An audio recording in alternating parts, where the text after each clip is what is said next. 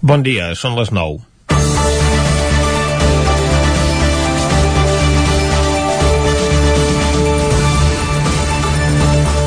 Passar balanç al cap de 3 anys el dia en què el poble català es va rebel·lar contra l'opressió de l'estat espanyol que l'impedia exercir el dret a vot no pot ser més descoratjador. Mentre la voluntat popular va tirar endavant un referèndum malgrat els impediments per terra, mar i aire per part de l'adversari, la falta de voluntat política ha impedit implementar el resultat. Ahir, Quim Torra compareixia al Parlament per acomiadar-se de la cambra com a segon president consecutiu destituït per part de l'Estat després de l'aplicació de l'article 155 de la Constitució que va cessar en les seves funcions el govern de Carles Puigdemont en no haver fet efectiva la declaració d'independència. Des de llavors, doncs, la repressió per part de l'Estat no només no ha cessat, sinó que s'ha incrementat en número de víctimes i en intensitat. Recordem-ne alguns dels que ens cauen més a prop, com Marta Rovira, Jordi Turull o Xavi Buigas. I també ho ha pogut comprovar el propi Torra, multat amb 30.000 euros i inhabilitat per haver incomplert un mandat de la Junta Electoral, que davant d'altres infraccions es limita a posar una multa simbòlica. Ahir el ja expresident demanava a la cambra que sortir de les eleccions, que s'hauran de celebrar d'aquí a uns mesos, que sigui fidel al mandat de les urnes i a la ruptura amb l'Estat. No sembla, però, que la institució que presidia vagi pel mateix camí i, com ell mateix denunciava aquests dies, l'autonomia és el principal entrebanc per la independència. Cadascú ho pot interpretar com vulgui, però no deixa de ser simptomàtic que el decret de destitució del president aparegui al diari oficial de la Generalitat quan encara no ha estat publicat al butlletí oficial de l'Estat. Esquerra Republicana ha fiat tota la seva estratègia de futur a una taula de diàleg amb el govern espanyol. De moment, s'ha reunit una sola vegada a Barcelona sense cap més acord que el de tornar-se a trobar. Des de Madrid es va prometre aquesta segona reunió per al mes de setembre amb la represa del curs polític. Som a octubre i encara no s'ha celebrat. D'acord que la situació sanitària ho ha aturat tot, però quan no és un all, és una ceba i la feina per fer. I precisament la crisi sanitària posa en evidència que aquesta falta d'interès perquè l'autèntica taula de diàleg que el govern de l'Estat està duent a terme amb un d'autonòmic és a la Comunitat de Madrid per la nula voluntat d'aquest en prendre mesures eficaces contra la greu situació sanitària a la que es veuen abocats per la seva inoperància. I això és així, malgrat que la presidenta madrilenya incompleix de forma reiterada els acords que es prenen. Primer tornant al foc creuat quan amb dues parts van signar un armistici i ara negant-se a aplicar a la capital de l'Estat les mesures que li reclama el Ministeri de Sanitat i que avui li obliga a aplicar el BOE. Ara, encara que hi hagi vides en joc, aquí ningú s'escandalitza, que Madrid no és Catalunya. Comencem Territori 17, a la sintonia del 9 FM, Ràdio Cardedeu, la veu de Sant Joan, Ona Codinenca i el 9 TV. Territori 17, amb Vicenç Vigues i Jordi Sunyer.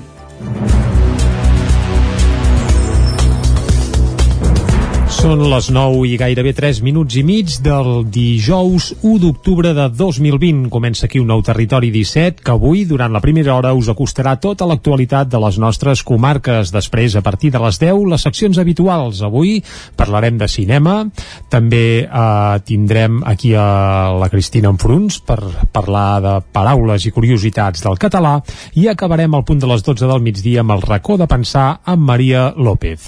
Ara, per això, i com sempre, el que fem és arrencar fent un repàs a l'actualitat de les nostres comarques, les comarques del Ripollès, Osona, el Moianès i el Vallès Oriental.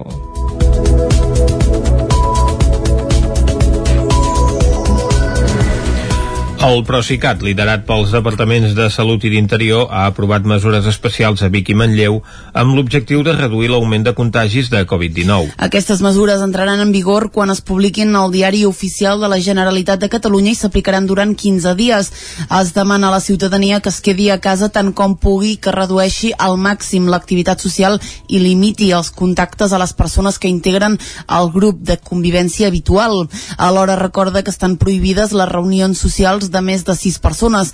Pel que fa als actes religiosos com casaments, serveis religiosos, celebracions i cerimònies fúnebres, aquests hauran de limitar l'assistència al 50% de l'aforament. En l'àmbit de l'hostaleria i restauració s'elimina el consum en barra i sempre s'haurà de realitzar la taula. També es limita l'aforament tant a l'interior com a l'exterior a un 50%. L'horari de tancament d'aquests establiments serà a la una com a màxim. Sempre que sigui possible s'haurà d'utilitzar preferiblement servei a domicili i comandes per emportar. L'aforament de les activitats esportives també es limitarà a un 50% sempre seguint els plans treballats en l'àmbit de Procicat. Salut preveu fer 20.000 PCR en escoles en una primera fase de cribratges fins a mitjan d'octubre. Els departaments de Salut i Educació han començat aquest dimarts els cribratges de Covid-19 en escoles de Barcelona i l'Hospitalet de Llobregat. Són els primers que es fan en centres situats en zones amb diverses situacions epidemiològiques amb la previsió d'arribar a les 20.000 proves PCR en una primera fase fins a mitjans d'octubre. En els darrers dies també s'han fet cribratges al Puigdegut de Manlleu i a Canet de Mar, on la transmissió del virus és alta. A Manlleu s'han detectat 15 casos positius i s'han confinat 8 grups. També es faran tests serològics en els alumnes que donin positiu en els cribratges per detectar si es tracta d'una infecció passada i evitar així confinaments innecessaris, una mesura que s'ha d'estudiar si funciona. Caldes de Montbui se suma a la campanya solidària a Fons, una iniciativa promoguda a través del Fons Català de Cooperació al Desenvolupament per donar una resposta internacional a l'impacte mundial de la Covid-19 entre la població més vulnerable. Caral Campàs, des d'Ona Codinenca. Des del Fons Català de Cooperació al Desenvolupament s'ha presentat la campanya Solidaritat a Fons com a resposta solidària a la lluita contra la Covid-19 a nivell internacional. A més, s'ha creat amb el propòsit de reivindicar que la cooperació municipalista és més necessària que mai i que teixir xarxes de suport entre els governs locals de tot el món és imprescindible per no deixar ningú enrere. Pel que fa, l'Ajuntament s'ha sumat a aquesta iniciativa amb un vídeo en el que la regidora de Cooperació i Solidaritat, Àngeles Llibe, explica que des del 1900 1992 Caldes destina el 0,7% del pressupost municipal a accions de cooperació. A més, la regidora ha reafirmat el compromís municipal de Caldes per la cooperació internacional en la part final del seu discurs. I aprofitem per encoratjar altres municipis que facin el mateix. La Covid-19 ens ha sacsejat i ho continua fent. Però a la vegada ens ha donat l'oportunitat d'obrir la mirada. Ja no pensem en un jo, ara pensem en un, en un nosaltres en un tots i totes nosaltres, perquè d'aquesta pandèmia només ens en sortirem sense deixar ningú enrere. Des del món local, justícia global. Encara en termes de solidaritat, la regidora ha recordat que ara més que mai cal ser solidari, ja que només sortirem d'aquesta crisi sanitària tots junts i sense deixar ningú enrere. Els sindicats i patronals del Vallès Oriental valoren positivament que els ERTO s'allarguin fins al mes de febrer. David Auladell, de Ràdio Televisió, Cardedeu. A Catalunya i també al Vallès Oriental moltes persones s'han vist afectades pels ERTOs, els expedients de regulació temporal obligatòria. Gràcies al nou acord, aquestes suspensions laborals relacionades amb la Covid-19 són vigents fins a final del pròxim mes de gener. A més, l'acord també manté la prestació al 70% del sou del treballador. En principi, després de sis mesos de cobrar aquest expedient, aquesta quantitat s'havia de reduir a la meitat. Gonzalo Plata, primer secretari comarcal de Comissions Obreres, i Bernat Escudero, delegat sindical d'UGT al Vallès Oriental. La gent que està d'ERTE no perd el poder adquisitiu, que és la primera, la primera important, no? Primer per les persones, perquè les persones pateixen, és una situació difícil, ja han rebut una rebaixa substancial del seu salari i només cal que aquest eh, avenci, no? Amb la qual el que és important és la gent treballadora que ara mateix està patint i que pugui mantenir aquesta prestació. Vivim en un país on els salaris no són especialment elevats. Justament la nostra economia és competitiva també en base a salaris baixos.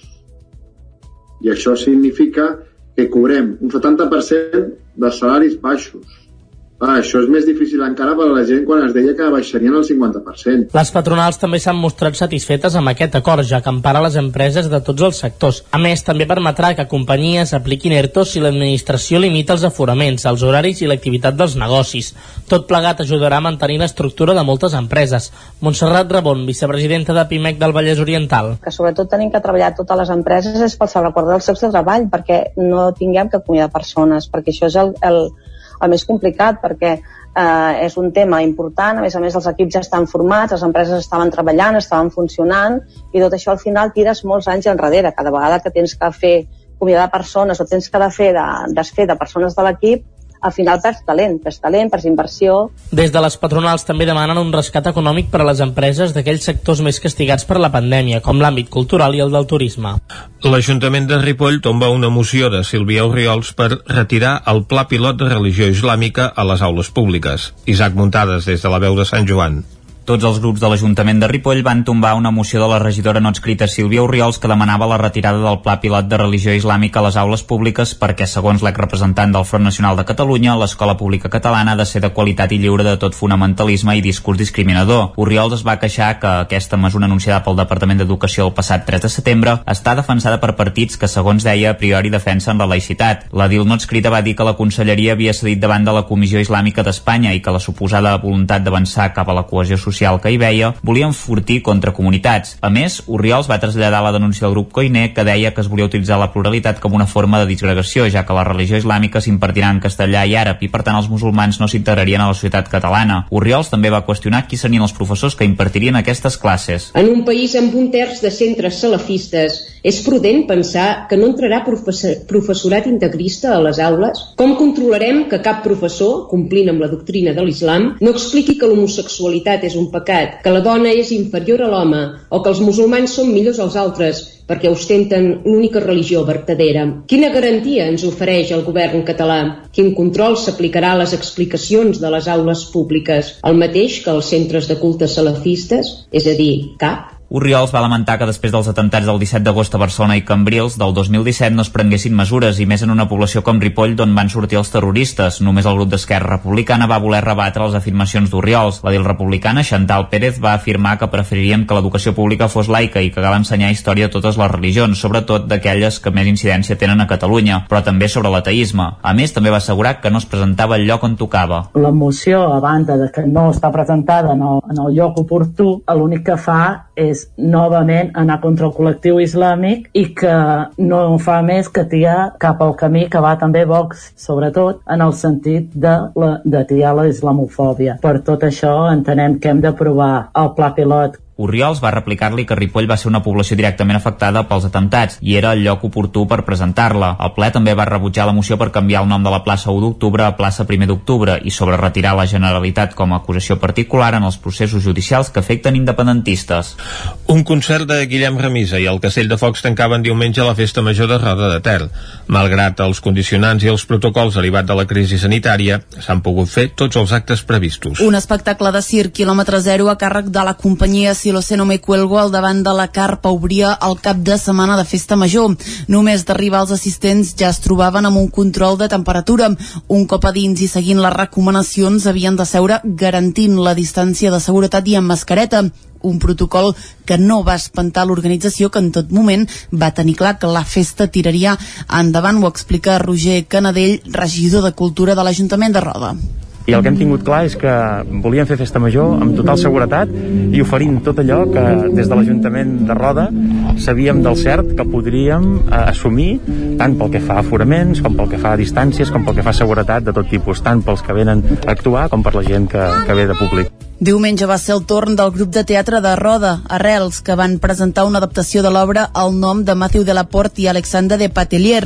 A l'escenari del Teatre Eliseu, els cinc protagonistes van representar un sopar d'amics que comença amb una conversa sobre la maternitat i acaba en un conflicte. L'actuació del grup local ha de donar peu a que el Teatre de Roda torni, malgrat la pandèmia, amb una programació regular. Roger Coromines és l'alcalde de Roda. Bé, nosaltres la nostra disposició és que hi hagi una temporada regular de teatre, és a dir, eh, creiem fermament que es pot fer cultura, que la cultura és segura i que per tant no podem penalitzar aquest sector. El concert de Guillem Remís al Passeig del Ter va posar punt final a la festa. El cantautor hi va presentar Ens enfilarem en l'aire. La plaça Gaudí de Vic va acollir el primer aniversari de Casa Terra, l'organització de suport a projectes transformadors que ara fa un any va néixer a Osona de la mà d'Alguer Miquel i Oriol Tresserra. Cesc Freixes i Judit Nederman van participar a la jornada solidària que va servir per parlar de la feina feta i dels projectes que entoma a partir d'ara l'entitat. Desenes de persones omplien dissabte la plaça Gaudí de Vic per celebrar el primer aniversari de Casa Terra. Alguer Miquel i Oriol Tresserra, impulsors de l'organització, van desgranar la feina feta amb Prisoners Assistance Nepal, un projecte encapçalat per l'activista Indira Ranamagar que treballa per acabar amb la presència de nens i nenes a les presons d'aquest país. Del primer any en fan un balanç positiu. El segon el comencen entomant nous reptes. El Gai Miquel és un dels impulsors de Casa Terra portem un any de bagatge amb Prisoners Assistents Nepal amb qui la, la, la, el vincle serà pues, infinit, no? perquè nosaltres ja hem començat a acompanyar-nos i, i acompanyar la seva lluita i ara integrem un projecte del Congo, República Democràtica del Congo, una organització local que es diu Etual do Sud, que també treballen en termes de gènere intentant trencar eh, el rol de la dona que per desgràcia doncs, en aquest país és pràcticament d'esclavatge no? i fan molta feina en aquesta direcció i comencem a acompanyar-los també. Miquel i Tracerra van agrair el suport rebut en un any marcat per la pandèmia i van recordar que el 100% dels donatius que arriben a l'organització es destinen als projectes de l'entitat. Oriol Tracerra és impulsor de Casa Terra. I a més a més assumint, m'agrada recalcar que estem en ple Covid, sí. que ha estat un any molt difícil i que dins d'això la gent continua sent solidària. És que m'agrada sí, molt recalcar això perquè tot i aquesta dificultat nosaltres hem rebut un moltíssim suport. L'acte va comptar amb les actuacions musicals de Cesc Freixes i Judit Nederman. També hi van participar l'Associació de Dones Marroquines, la Mà Solidària i la Comunitat Senegalesa. I fins aquí el butlletí de notícies que us hem ofert amb les veus de Vicenç Vigues, Clàudia Dinarès, David Auladell, Caral Campàs i Isaac Muntades. Ara arriba el moment de la informació meteorològica.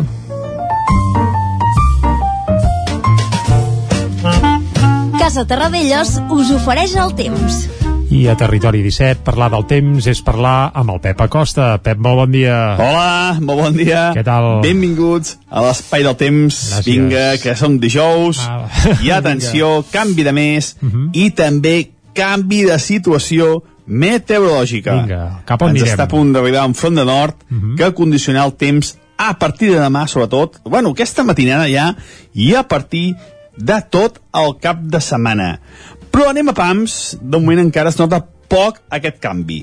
El que sí que s'ha notat, sembla, aquesta nit, eh, jo no ho he notat, però ho he llegit als xarxes socials, als diaris, mm -hmm. és un petit terratrèmol, bueno, petit, ah, sí? una mica moderat, Carai. de 4,4 i de 4,6 graus, de fet n'hi ha hagut dos, eh, que el seu epicentre ha sigut a prop de Pamplona, i que ha afectat bastant el Pirineu. Espero que s'ha deixat sentir bastant. No sé si l'heu sentit cap a vosaltres, no. però bueno, ha sigut un, una tremolor bastant important i segur que alguna zona sí que s'ha sentit una mica.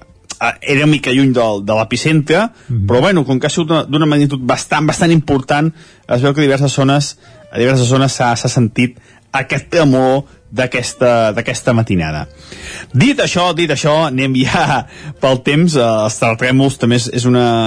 m'apassionen també, eh, bueno, aviam, m'apassionen aquests petits, eh, no, Sí, sí, sí, no fotem, si fan molt mal, lògicament no, no, no són, no m'apassionen tant, però és un tema també molt, molt interessant el que passa uh, al planeta. És, un, és a, a l'interior del planeta és viu també i no para de moure's com demostra aquests, aquests terratrèmols. Bueno, això és un altre tema, un dia en podem parlar, però anem pel temps, Anem perquè pel això, temps, anem ens, pel ens acosta un, un front de nord i avui ja començarem a notar uns petits canvis. Però ara mateix, ara mateix les temperatures mínimes han pujat aquesta nit, han pujat eh, entre els 10 i els 15 graus a la majoria de les poblacions, només per sota dels 10 graus a les zones més fredes del Pirineu. Uh, per què? Perquè encara, com deia, no tenim aquest vent de nord, uh, tenim el prefront, que han sigut vents més aviat del sud, una mica escalfats, hi ha bastants núvols, i això ha fet que la temperatura no baixés. Uh, cal dir que les nits matinals són cada vegada més, més semblants a les d'hivern, uh, ja dura moltes hores la, la, la foscor, ja hi ha algunes boires, per tant, ens anem acostant a marxes forçades cap a les nits d'hivern. Durant el dia d'avui notarem els canvis. I què passarà? Doncs que hi haurà cada vegada més núvols i atenció, de cara al migdia, dues, tres de la tarda, jo crec que ja hi pot haver alguna petita precipitació. Sobretot, Guilleries, Montseny, prelitoral. Uh, bastant dèbils, no seran molt fortes, jo crec que entre els 5 i 10 litres, com a molt, com a molt, o un plogui més, la majoria per sota d'aquests 5 litres. Independentment de cara a la nit matinada, cada vegada més núvols al Pirineu i allà ja pot començar a ploure això. Jo crec que a les dues, tres de la matinada ja pot començar a ploure i a nevar a partir de 2.500-2.600 metres. Cap al Pirineu sí que la pluja i la neu cada vegada més importants, però com deia, a partir de la matinada. Durant el dia es anirà tapant, es anirà tapant, i cada vegada més tapat. Però on pot ploure més, on pot ploure més, insisteixo, el dia d'avui, és cap al preditoral, sobretot Guilleries, Montseny i zones pròximes. Les temperatures, què faran? Doncs les temperatures seran molt semblants de les d'ahir. Les màximes entre els 20 i els 25 graus. De moment, avui no, no, no notarem les màximes aquesta injecció d'aire fred de nord que se'ns tira a sobre. I els vents, ara mateix, variables, eh, bastant febles, de cara a la tarda-nit, entre la tramuntana, entre el vent de nord i els cims dels Pirineus ja començarà a ser moderada a forta. Moltes gràcies, fins demà. Adeu. Vinga, Pep, moltes gràcies. Uh, venen canvis, eh? Uh, Vicenç, per cert, no sé si has notat el terratrèmol. Uh, tu? No, home, la veritat és que em cau una mica lluny això de Navarra, però es veu que hi ha hagut gent que ha passat la nit al carrer i tot de mm. por perquè hi ha hagut una trentena de moviments sísmics aquesta nit a, en aquesta zona amb epicentre a Lizoain. Molt bé. I a més a més a, a l'epicentre del terratrèmol a només un quilòmetre de profunditat, per tant, evidentment, la gent ha hagut de sentir per força aquest moviment de terres que hi ha hagut aquesta nit a, a la zona de Navarra. Doncs, com bé dius, queda un pèl lluny, eh, però el que ens queda més a prop és anar cap al quiosc. Va, fem-hi una ullada. Casa Tarradellas us ha ofert aquest espai. Territori 17. Envia'ns les teves notes de veu per WhatsApp al 646 079 023. 646 079 023. WhatsApp Territori 17.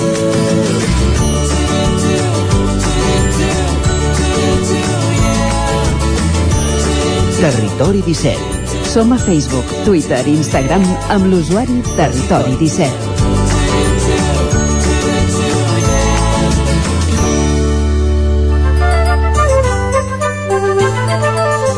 Anem, doncs, cap al quiosc. No sé si avui, Clàudia, els diaris venen carregats de dibuixos. Doncs sí, amb la Mafalda. Ara ho anirem veient. Comencem mm -hmm. amb les portades catalanes, amb el punt avui concretament que diu 3 anys després de l'1 d'octubre, mig centenar de càrrecs públics a punt de ser jutjats pel referèndum. Les fiances milionàries i per partida doble una forma més de repressió. A la imatge, la cadira del president buida. El Consell Executiu, presidit per Aragonès, va aprovar ahir el decret de substitució de Torra. La cadira del president, però, va quedar buida. També veiem l'expresident Quim Torra que diu és un escàndol de dimensions internacionals. El 131è president denuncia des del Parlament la, la repressió de l'Estat. També fan un especial, diu on era l'1 d'octubre, què en penseu? Han parlat amb diferents personatges, un d'ells és l'usonenc, el gurbatà Carles Mundó, doncs, um, que entenem que recorden a l'interior del diari doncs, què feien i com van viure aquell dia. Anem al diari ara, que com deies Vicenç, ja hi veiem el primer dibuix, diu la Mafalda es queda òrfana, uh, mor Quino, diu 1932-2020, en tornarem a parlar perquè apareix pràcticament totes les portades. Uh, pel que fa a la pandèmia, Illa imposa a Ayuso el tancament de Madrid. La presidenta madrilenya rebutja la mesura i amenaça amb anar als tribunals per aturar-la. Diverses comunitats, entre elles Catalunya, voten en contra del pla de sanitat per les grans ciutats. En clau internacional, Biden surt il·lès davant de Trump en el debat més brut de la història. I aquí també fan un reportatge, diu, recreant la partida de l'1 d'octubre tres anys després. Anem al periòdico que diu Sanitat tancarà Madrid tot i la plantada d'Ayuso. El Consell Territorial aprova el pla d'illa per aïllar quan el virus superi tres indicadors a la imatge diu Mafalda Orfen, exactament el mateix titular del diari Ara, el dibuixant argentí Quino mor als 88 anys. El veiem amb ell amb una, amb una d'aquestes amb un ninot, amb un ninot sí, exacte, no? ara no sabia com dir-ho. Exactament. Més coses, el Fons Monetari demana usar els fons europeus per fixar l'ocupació Trump apela a l'extrema dreta en un debat vergonyós i Neymar és el principal morós d'Hisenda. A l'avantguàrdia, Sanitat aprova les mesures anti-Covid-19 malgrat el rebuig de Madrid. Illa adverteix que l'aplicació del pla votat per 13 autonomies a favor i 5 en contra, entre les quals Catalunya, és vinculant. Aquí tornem a veure exactament aquesta mateixa imatge que veiem. Diu Mort Quino, el pare de la nena sàvia, parlem de Mafalda. El govern central allibera autonomies i ciutats dels límits de despesa dur debat al Congrés per la defensa de la figura del rei. Neymar, com veiem, és el principal morós d'Hisenda i investigat l'intent de matar Mainat. Uh, no sé si esteu al cas d'aquesta notícia, diu el jutge investiga l'intent d'assassinat de Mainat per part de la seva dona. Una notícia de l'avantguàrdia. Estem parlant de Josep Maria Mainat, el del de mateix, la trinca. Del mateix, del mateix. Doncs anem cap a Madrid a veure què treuen en portada a la premsa de Madrid. Doncs comencem amb el país que diu, diu Madrid es revela contra el pla de sanitat de confinar la capital. Illa anuncia una ordre al BOE a la que el govern d'Ayuso nega la validesa jurídica, autonomies del Partit Popular i Catalunya rebutgen els nous criteris. Tornem a veure Mafalda, diu Mort Quino, el dibuixant en espanyol més internacional. I en clau de política espanyola, Sánchez suspès a canviar la llei per renovar el poder judicial sense el Partit Popular. El Mundo Illa retorça la llei per intentar imposar restriccions a Madrid. El ministre anuncia sense data una ordre ministerial d'obligat compliment per confinar la capital i altres nou municipis. Sánchez tolera uh, un nou atac dels seus aliats al rei, però culpa l'oposició i el Parlament se salta la llei per homenatjar a Quim Torra. Tornem a veure la Mafalda Mort Quino, un dibuixant contra la duresa del món. A la Razón, Ayuso recorrirà al Suprem al tancament d'Illa de Madrid amb clau de política espanyola, Sánchez torna a callar davant les ofenses dels seus socis al rei. El vell socialisme diu arroparà avui a Felip VI en un acte de reivindicació de la corona. Tornem a veure uh, la Mafalda, qui no mor, Mafalda viu. I com sempre acabem amb l'ABC que diu Illa imposa el tancament de Madrid i Ayuso es revela. Denuncia que la decisió del govern no té validesa jurídica. L'executiu insisteix en que l'ordre ministerial és vinculant i que Madrid haurà d'acatar-la. Catalunya, Galícia, Andalusia, Múrcia i Ceuta també van votar en contra de Sanitat. Acabo amb unes declaracions del ministre de Sanitat Salvador Illa que diu la situació de Madrid és complexa i preocupant i que venen setmanes molt dures. A la portada de l'ABC no estan de dibuixos avui, perquè només No. els agraden els seus fotomuntatges, aquests que fan habitualment, però evidentment el protagonista avui de les portades la mort de Quino, el creador del personatge Mafalda.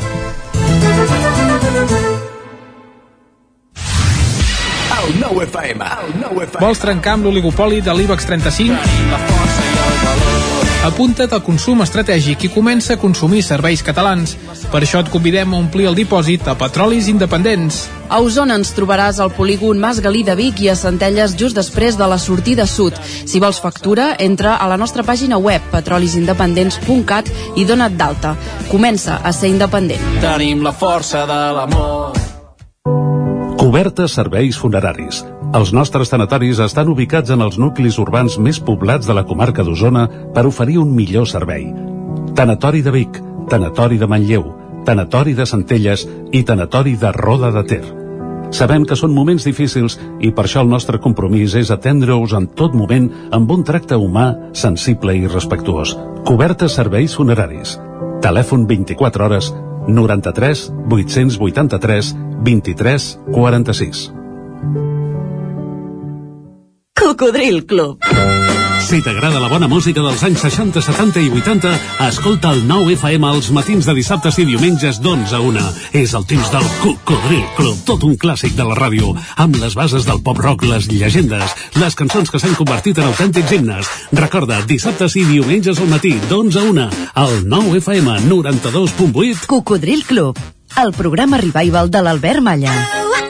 Hasta luego, Anuncia't al 9FM. La màquina de casa. 9 3 8 8 9 4 9 4 9. Publicitat arroba al 9FM.cat. Anuncia't al 9FM.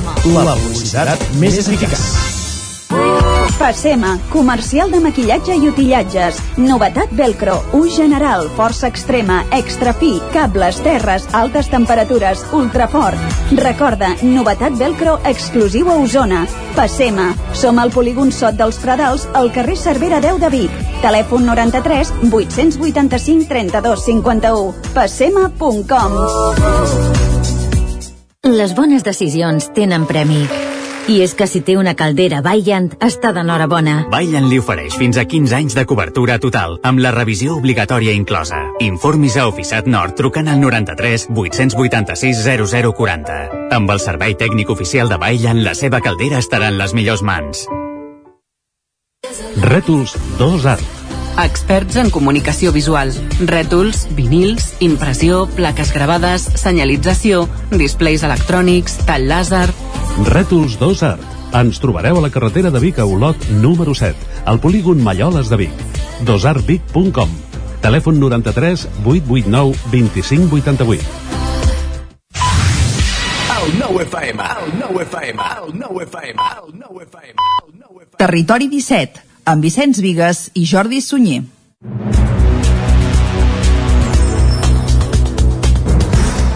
Són dos quarts de deu en punt del matí d'avui, dijous, dia 1 d'octubre de 2020. Tres anys fa ja d'aquell uh, 1 d'octubre de 2017. Uh, I ara el que toca, aquí, a Territori 17, abans de seguir el programa que us acompanyarà, com sempre fins a les 12 del migdia, és repassar de nou l'actualitat de les nostres comarques. Ja ho sabeu, l'actualitat de les comarques del Ripollès, Osona, el Moianès i el Vallès Oriental.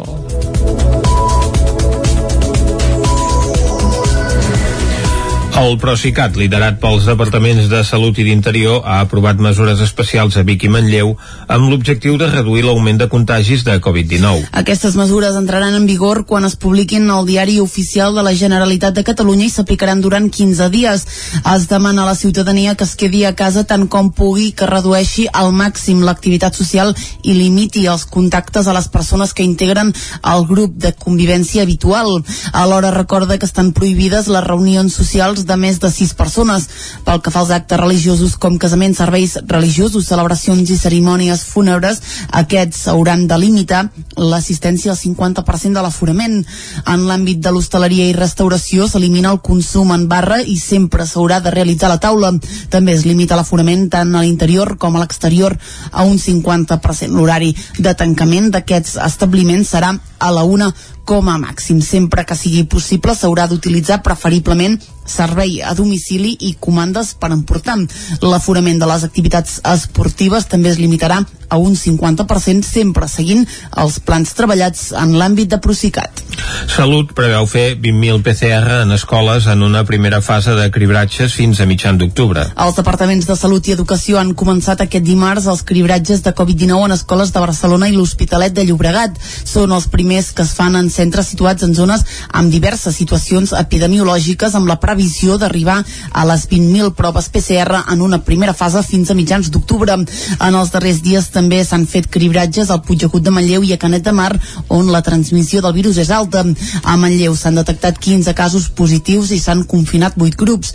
També es faran tests serològics en els alumnes que donin positiu en els cribratges per detectar si es tracta d'una infecció passada i evitar així confinaments innecessaris, una mesura que s'ha d'estudiar si funciona. Caldes de Montbui se suma a la campanya solidària a Fons, una iniciativa promoguda a través del Fons Català de Cooperació al Desenvolupament per donar una resposta internacional a l'impacte mundial de la Covid-19 entre la població més vulnerable. Caral Campàs, des d'Ona Codinenca. Des del Fons Català de Cooperació al Desenvolupament s'ha presentat la campanya Solidaritat a Fons com a resposta solidària a la lluita contra la Covid-19 a nivell internacional. A més, s'ha creat amb el propòsit de reivindicar que la cooperació municipalista és més necessària que mai i que teixir xarxes de suport entre els governs locals de tot el món és imprescindible per no deixar ningú enrere. Pel que fa a l'Ajuntament s'ha sumat a aquesta iniciativa amb un vídeo en el que la regidora de Cooperació i Solidaritat Àngeles Llibe explica que des del 1992 Caldes destina el 0,7% del pressupost municipal a accions de cooperació. A més, la regidora ha reafirmat el compromís municipal de Caldes per la cooperació internacional en la part final del seu discurs. I aprofitem per encoratjar altres municipis que facin el mateix. La Covid-19 ens ha sacsejat i ho continua fent. Però a la vegada no s'ha donat l'oportunitat d'obrir la mirada. Ja no pensem en un jo, ara pensem en un, en un nosaltres, en un tots i totes nosaltres. Perquè d'aquesta pandèmia només ens en sortirem sense deixar ningú enrere. Des del món local, justícia global. Encara en termes de solidaritat, la regidora ha recordat que ara més que mai cal ser solidari, ja que només sortirem d'aquesta crisi sanitària tots junts i sense deixar ningú enrere. Els sindicats i patronals del Vallès Oriental valoren positivament que els ERTO s'allarguin fins al mes de febrer. David Auladell, de Ràdio Televisió, Cardedeu. A Catalunya i també al Vallès Oriental moltes persones s'han vist afectades pels ERTOs, els expedients de regulació temporal obligatòria. Gràcies al nou acord, aquestes suspensions laborals relacionades amb la Covid-19 són vigents fins a final del pròxim mes de gener. A més, l'acord també manté la prestació al 70% del sou del treballador. En principi, després de sis mesos de cobrar aquest expedient, aquesta quantitat s'havia de reduir a la meitat. Gonzalo Plata, primer secretari comarcal de Comissions Obreres, i Bernat Escudero, delegat sindical d'UGT al Vallès Oriental. La gent que està d'ERTE no perd el poder adquisitiu, que és la primera, la primera important, no? Primer per les persones, perquè les persones pateixen, és una situació difícil, ja han rebut una rebaixa substancial del seu salari i només cal que aquest eh, avenci, no? Amb la qual el que és important és la gent treballadora que ara mateix està patint i que pugui mantenir aquesta prestació. Vivim en un país on els salaris no són especialment elevats. Justament la nostra economia és competitiva també en base a salaris baixos. I això significa que cobrem un 70% de salaris baixos.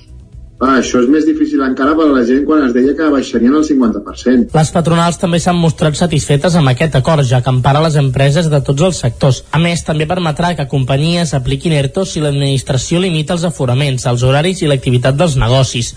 Tot plegat ajudarà a mantenir l'estructura de moltes empreses. Montserrat Rabon, vicepresidenta de PIMEC del Vallès Oriental. Que sobretot tenim que treballar totes les empreses és pel sobrequart dels seus de treball, perquè no tinguem que acomiadar persones, perquè això és el, el, el més complicat perquè eh, és un tema important, a més a més els equips ja estan formats, les empreses estaven treballant, estaven funcionant i tot això al final tires molts anys enrere, cada vegada que tens que fer acomiadar persones o tens que de fer de, desfer de persones de l'equip al final perds talent, perds talent, perds inversió. Des de les patronals també demanen un rescat econòmic per a les empreses d'aquells sectors més castigats per la pandèmia, com l'àmbit cultural i el del turisme. L'Ajuntament de Ripoll tomba una moció de Sílvia Oriols per retirar el pla pilot de religió islàmica a les aules públiques. Isaac Muntades, des de la veu de Sant Joan.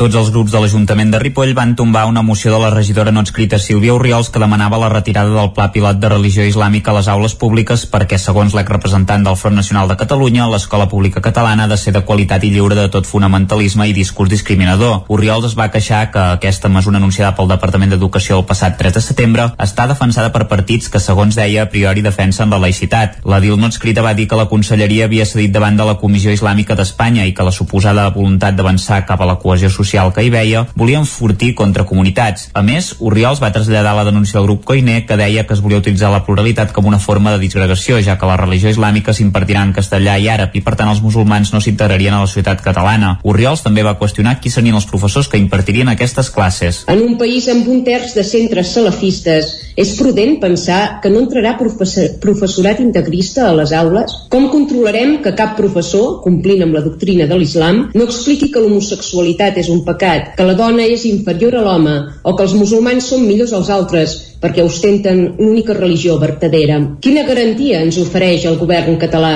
Quin control s'aplicarà a les explicacions de les aules públiques? El mateix que als centres de culte salafistes? És a dir, cap? Oriols va lamentar que després dels atentats del 17 d'agost a Barcelona i Cambrils del 2017 no es prenguessin mesures i més en una població com Ripoll d'on van sortir els terroristes. Només el grup d'Esquerra Republicana va voler rebatre les afirmacions d'Oriols. La dil republicana, Chantal Pérez, va afirmar que preferirien que l'educació pública fos laica i que cal ensenyar història a totes les religions, sobretot d'aquelles que més incidència tenen a Catalunya, però també sobre l'ateisme. A més, també va assegurar que no es presentava el lloc on tocava. La moció, a banda de que no està presentada en el, en el lloc oportú, l'únic que fa és novament anar contra el col·lectiu islàmic i que no fa més que tiar cap al camí que va també Vox, sobretot en el sentit de, la, de tiar la islamofòbia. Per tot això entenem que hem d'aprovar el pla pilot Oriols va replicar-li que Ripoll va ser una població directament afectada pels atemptats i era el lloc oportú per presentar-la. El ple també va rebutjar la moció per canviar el nom de la plaça 1 d'octubre a plaça 1 d'octubre i sobre retirar la Generalitat com a acusació particular en els processos judicials que afecten independentistes.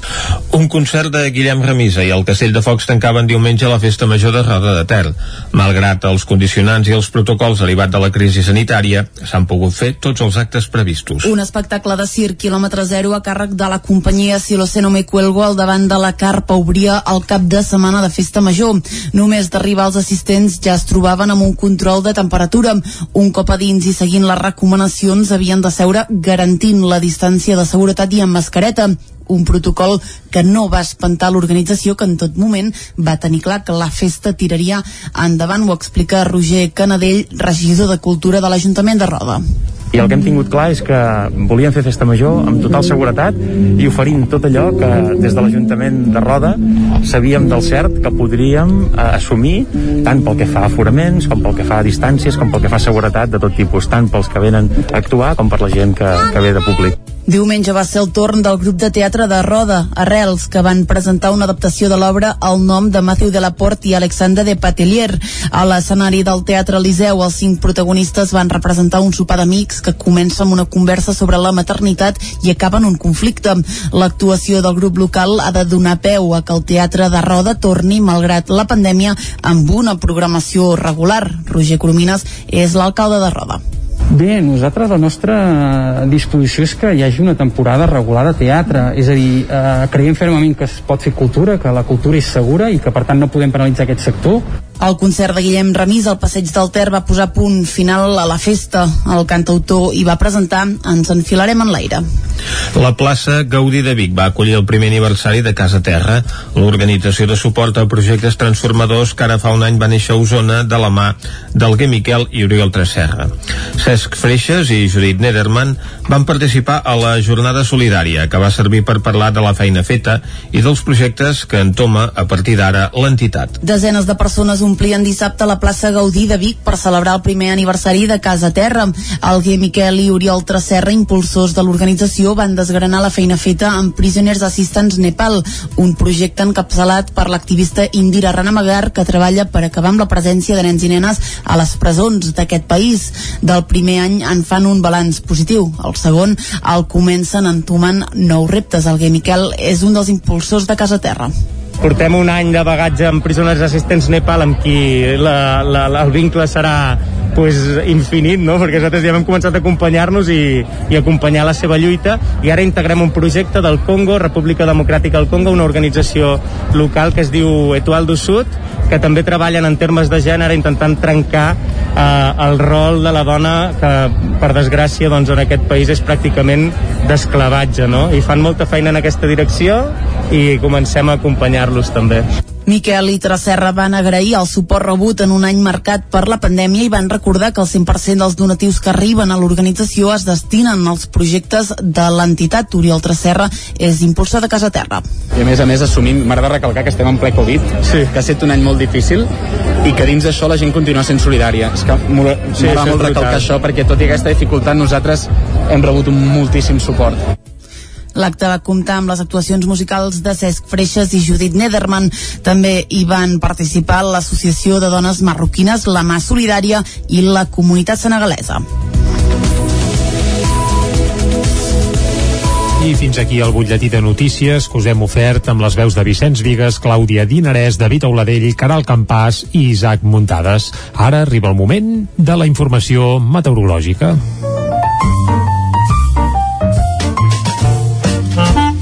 Casa Terradellos us ofereix el temps. I a Territori 17, parlar del temps és parlar amb el Pep Acosta. Pep, molt bon dia. Hola, molt bon dia. Què tal? Benvinguts a l'espai del temps. Gràcies. Vinga, que som dijous. Ah, I atenció, canvi de mes Uh -huh. i també canvi de situació meteorològica. Vinga, cap on Ens anirem? està a punt d'arribar un front de nord Uh -huh. que condicionarà el temps a partir de demà, sobretot, bueno, aquesta matinada ja, i a partir de tot el cap de setmana. Però anem a pams, de moment encara es nota poc aquest canvi. El que sí que s'ha notat, sembla, aquesta nit, eh, jo no ho he notat, però ho he llegit als xarxes socials, als diaris, mm -hmm. és un petit terratrèmol, bueno, petit, Ah, sí? una mica moderat, de 4,4 i de 4,6 graus, de fet n'hi ha hagut dos, eh, que el seu epicentre ha sigut a prop de Pamplona, i que ha afectat bastant el Pirineu. Crec que s'ha deixat sentir bastant. No sé si l'heu sentit cap a vosaltres, no. però bueno, ha sigut un, una tremolor bastant important i segur que alguna zona sí que s'ha sentit una mica uh, era una mica lluny del, de l'epicentre, mm -hmm. però bueno, com que ha sigut d'una magnitud bastant, bastant important, es veu que diverses zones a diverses zones s'ha sentit aquest tremolor d'aquesta matinada. Dit això, dit això, anem ja pel temps, eh, els terratrèmols també és, és una...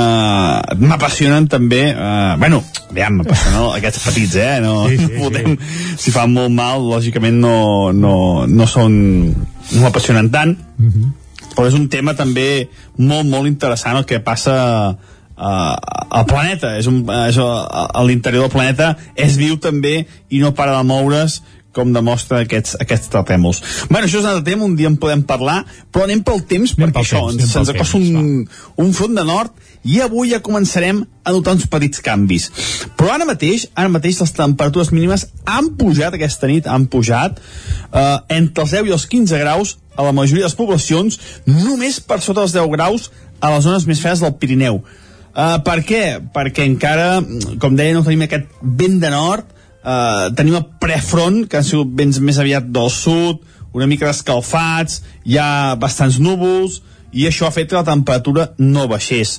Eh, cal dir que les nits matinals són cada vegada més, més semblants a les d'hivern, eh, ja dura moltes hores la, la, la foscor, ja hi ha algunes boires, per tant, ens anem acostant a marxes forçades cap a les nits d'hivern. Durant el dia d'avui, notarem els canvis. I què passarà? Doncs hi haurà cada vegada més núvols i atenció, de cara al migdia, dues, tres de la tarda, jo crec que ja hi pot haver alguna petita precipitació. Sobretot, Guilleries, Montseny, prelitoral. Uh, bastant dèbils, no estaran molt fortes, jo crec que entre els 5 i 10 litres, com a molt, com a molt, o, o un plogui més, la majoria per sota d'aquests 5 litres. Independentment de cara a la nit matinada, cada vegada més núvols al Pirineu i allà ja pot començar a ploure això. Jo crec que a les dues, tres de la matinada ja pot començar a ploure i a nevar a partir de 2.500-2.600 metres. Cap al Pirineu sí que la pluja i la neu cada vegada més importants, però com deia, a partir de la matinada. Durant el dia es anirà tapant, es anirà tapant, i cada vegada més tapat però on pot ploure més, on pot ploure més, insisteixo, el dia d'avui, és cap al preditoral, sobretot Guilleries, Montseny i zones pròximes. Les temperatures, què faran? Doncs les temperatures seran molt semblants de les d'ahir. Les màximes entre els 20 i els 25 graus. De moment, avui no, no, no notarem les màximes aquesta injecció d'aire fred de nord que se'ns tira a sobre. I els vents, ara mateix, variables, eh, bastant febles mm. de cara a la tarda-nit entre la tramuntana, entre el vent de nord i els cims dels Pirineus ja començarà a ser moderada a forta. Moltes gràcies, fins demà. Adeu. Vinga, Pep, moltes gràcies. Uh, venen canvis, eh? Uh, Vicenç, per cert, no sé si has notat el terratrèmol. Uh, tu? No, home, la veritat és que em cau una mica lluny això de Navarra, però es veu que hi ha hagut gent que ha passat la nit al carrer i tot de por perquè hi ha hagut una trentena de moviments sísmics aquesta nit uh, en aquesta zona amb epicentre a molt bé. I a més a més a, a l'epicentre del terratrèmol a només un quilòmetre de profunditat, per tant, evidentment, la gent ha hagut de sentir per força aquest moviment de terres que hi ha hagut aquesta nit a, a la zona de Navarra. Doncs, com bé dius, queda un pèl lluny, eh, però el que ens queda més a prop és anar cap al quiosc. Va, fem-hi una ullada. Casa Tarradellas us ha ofert aquest espai. Territori 17. Envia'ns les teves notes de veu per WhatsApp al 646 079 023. 646 079 023. WhatsApp Territori 17.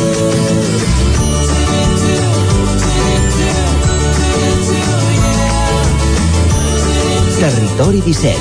Som a Facebook, Twitter i Instagram amb l'usuari Territori 17.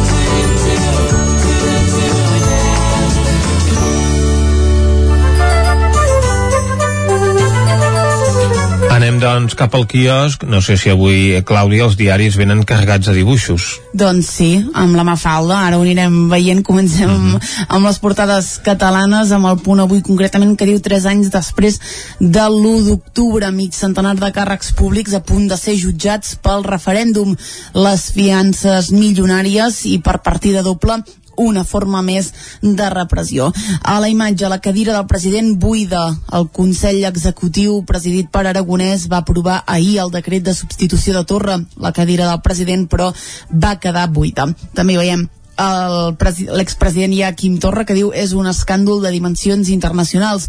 El 131è president denuncia des del Parlament la, la repressió de l'Estat. També fan un especial, diu on era l'1 d'octubre, què en penseu? Han parlat amb diferents personatges, un d'ells és l'usonenc, el gurbatà Carles Mundó, doncs, um, que entenem que recorden a l'interior del diari doncs, què feien i com van viure aquell dia. Anem al diari ara, que com deies Vicenç, ja hi veiem el primer dibuix, diu la Mafalda es queda òrfana, uh, mort Quino, diu 1932-2020, en tornarem a parlar perquè apareix pràcticament totes les portades. Uh, pel que fa a la pandèmia, Illa imposa a Ayuso el tancament de Madrid. La presidenta madrilenya rebutja la mesura i amenaça amb anar als tribunals per aturar-la. Diverses comunitats, entre elles Catalunya, voten en contra del pla de sanitat per les grans ciutats. En clau internacional, Biden surt il·lès davant de Trump en el debat més brut de la història. I aquí també fan un reportatge, diu, recreant la partida de l'1 d'octubre tres anys després. Anem al periòdico que diu Sanitat tancarà Madrid tot i la plantada d'Ayuso. El Consell Territorial aprova el pla d'illa per aïllar quan el virus superi tres indicadors a la imatge diu Mafalda Orfen, exactament el mateix titular del diari Ara, el dibuixant argentí Quino mor als 88 anys. El veiem amb ell, amb una, amb una d'aquestes... Amb un ninot. Amb un ninot, Mafalda, exacte, no? ara no sabia com dir-ho. Exactament. Més coses. El Fons Monetari demana usar els fons europeus per fixar l'ocupació Trump apela a l'extrema dreta en un debat vergonyós i Neymar és el principal morós d'Hisenda.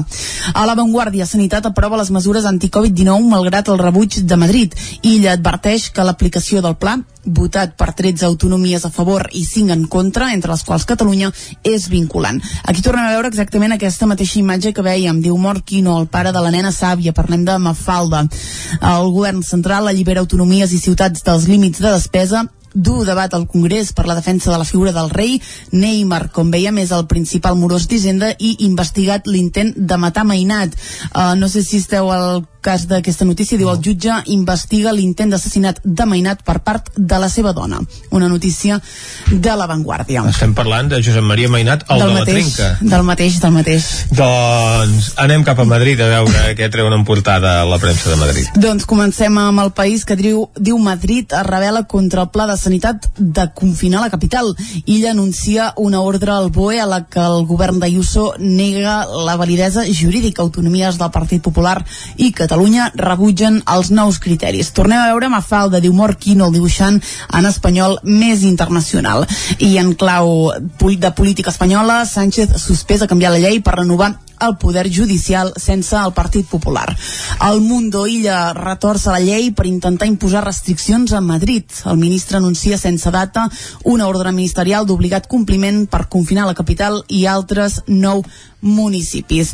Sánchez tolera uh, un nou atac dels seus aliats al rei, però culpa l'oposició i el Parlament se salta la llei per homenatjar a Quim Torra. Tornem a veure la Mafalda Morquino, un dibuixant contra la duresa del món.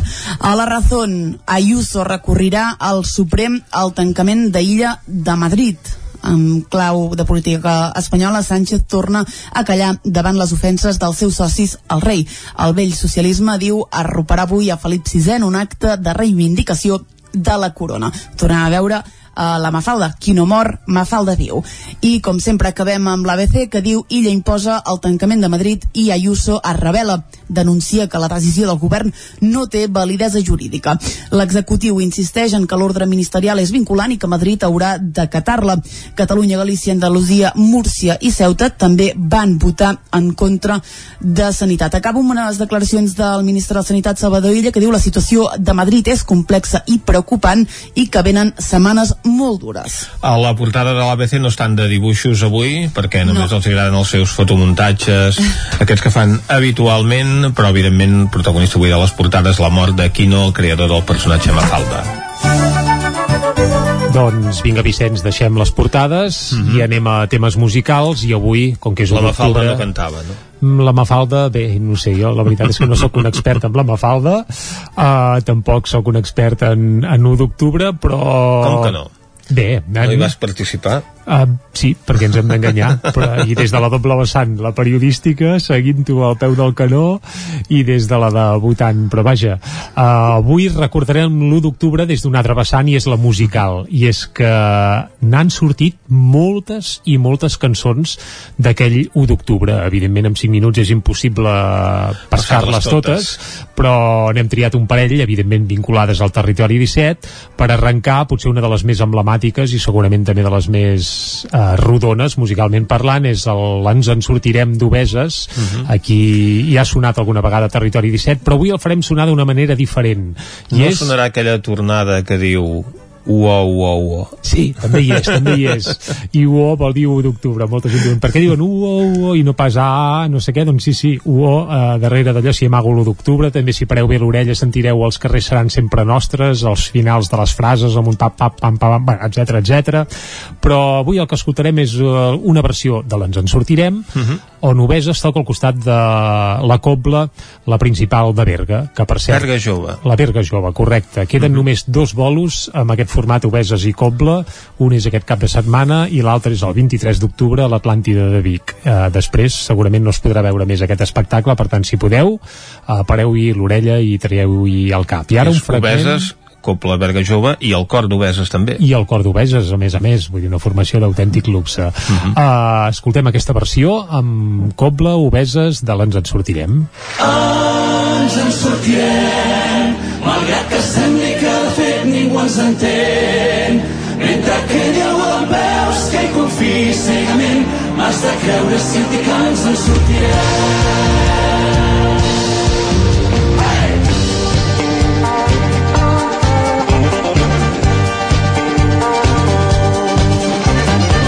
Saps prou bé que aquella nit vam ser els amos del carrer. Saps prou bé que el que vam viure mai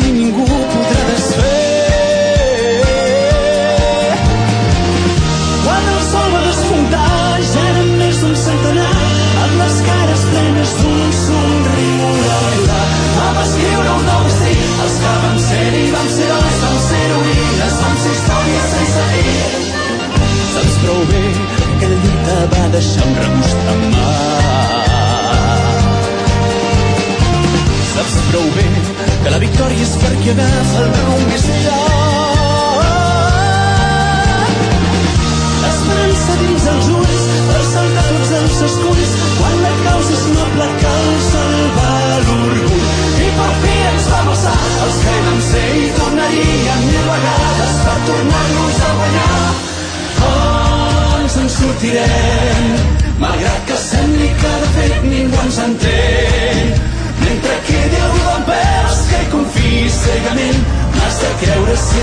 que ens en sortirem. Saps prou bé un segador si no és el sac no diu mai plat. Saps prou bé que no serà un camí planer però hem somiat. Que bé que sonen obeses, amb una cobla... La, la, la nostra Big Band, perquè ens hem d'enganyar. Exacte, sí senyor. Sí, sí, I a menys... més a més molt ben arranjada per l'Arnau Tordera, que ha fet tots els arranjaments de Copla d'aquest espectacle, i la veritat és que estan molt ben compenetrades les dues formacions. Doncs vinga, celebrem-ho, eh, n'hem escoltat un fragment i ara, si et sembla, Vicenç, n'escoltarem un altre d'un to absolutament diferent, però també d'un grup eh, del territori 17, són el Resiliència, un grup de rap de Manlleu, que també van fer una cançó eh, dedicada a l'1 d'octubre, es titula Més que que mai i aquí destaca que una de les col·laboracions estrella de la cançó és del Roger Espanyol que no sé si recordes que és aquell saxofonista a qui la policia estatal li va buidar un ull Exacte. precisament el dia 1 d'octubre. Doncs el Roger, el saxo que apareix en aquesta cançó no sé si tindrem temps d'arribar al moment del saxo però és el saxo del Roger Espanyol. I el Resiliència, aquesta banda amb seu a Manlleu de rap, doncs van fer aquesta peça més que mai i amb això arribarem fins a les 10 sí? Doncs escoltem Resiliència fins al punt de les 10. Vinga. Els nostres no s'estoven, que vinguin, diu una senyora que m'hauran d'arrossegar, els hauria de fer vergonya.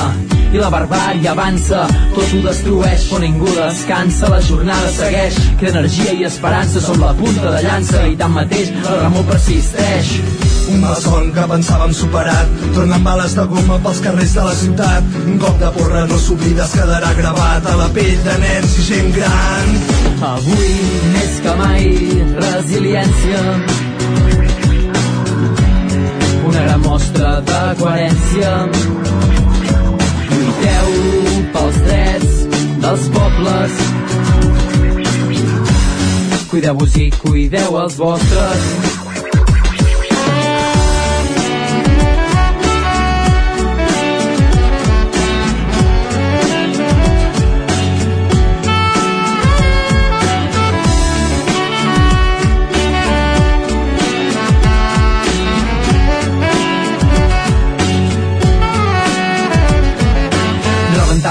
Escoles, assalt militar, supremacia colonial, nivell desbordant, les pantalles parlaran, ells ho negaran, però el món ens mira, poble organitzat, fermesa i alegria.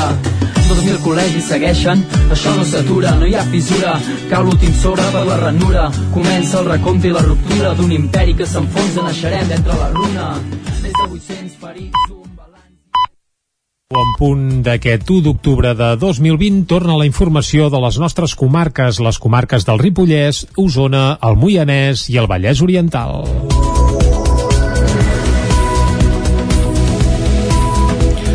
Capgirem Vic ha denunciat públicament la gestió de l'equip de govern pel que fa a la construcció d'un aparcament soterrat al Parc Maria Àngels Anglada i la venda del Seminari Vell. Dos projectes que asseguren responen a interessos privats i s'han portat a terme a porta tancada. També denuncien ocultació d'informació per part del govern d'Anna R. La construcció d'un aparcament soterrat al Parc Maria Àngels Anglada continua portant cua. Capgirem Vic ha denunciat opacitat per part del govern d'Anna R en la gestió del projecte. Asseguren que les presses per adequar l'espai responia a un objectiu, vendre el Seminari Vell, una moneda de canvi que asseguren s'ha portat a terme a porta tancada i que respon a interessos privats. Pere Freixa és regidor de Capgirem Vic. si tal com va dir l'alcaldessa Anna R en l'últim ple tot el consistori haurien d'estar contents ells pensaven que tots estaríem contents perquè s'ha realitzat aquesta operació nosaltres el que pensem o el que no entenem doncs és perquè no s'explicava públicament i l'única conclusió que podem arribar és que no s'explicava públicament perquè realment aquesta operació no és beneficiosa per tota la ciutadania de Vic sinó que respon a uns interessos eh, privats molt concrets. Els anticapitalistes asseguren que tot i la seva insistència per saber qui havia comprat l'edifici, la regidora d'Urbanisme, Fabiana Palmero, els va amagar que l'empresa adjudicatària era el consultori Vallès. Carla Dinarès és regidora de Capgirem Vic i Marc Bernoles, exregidor de la formació.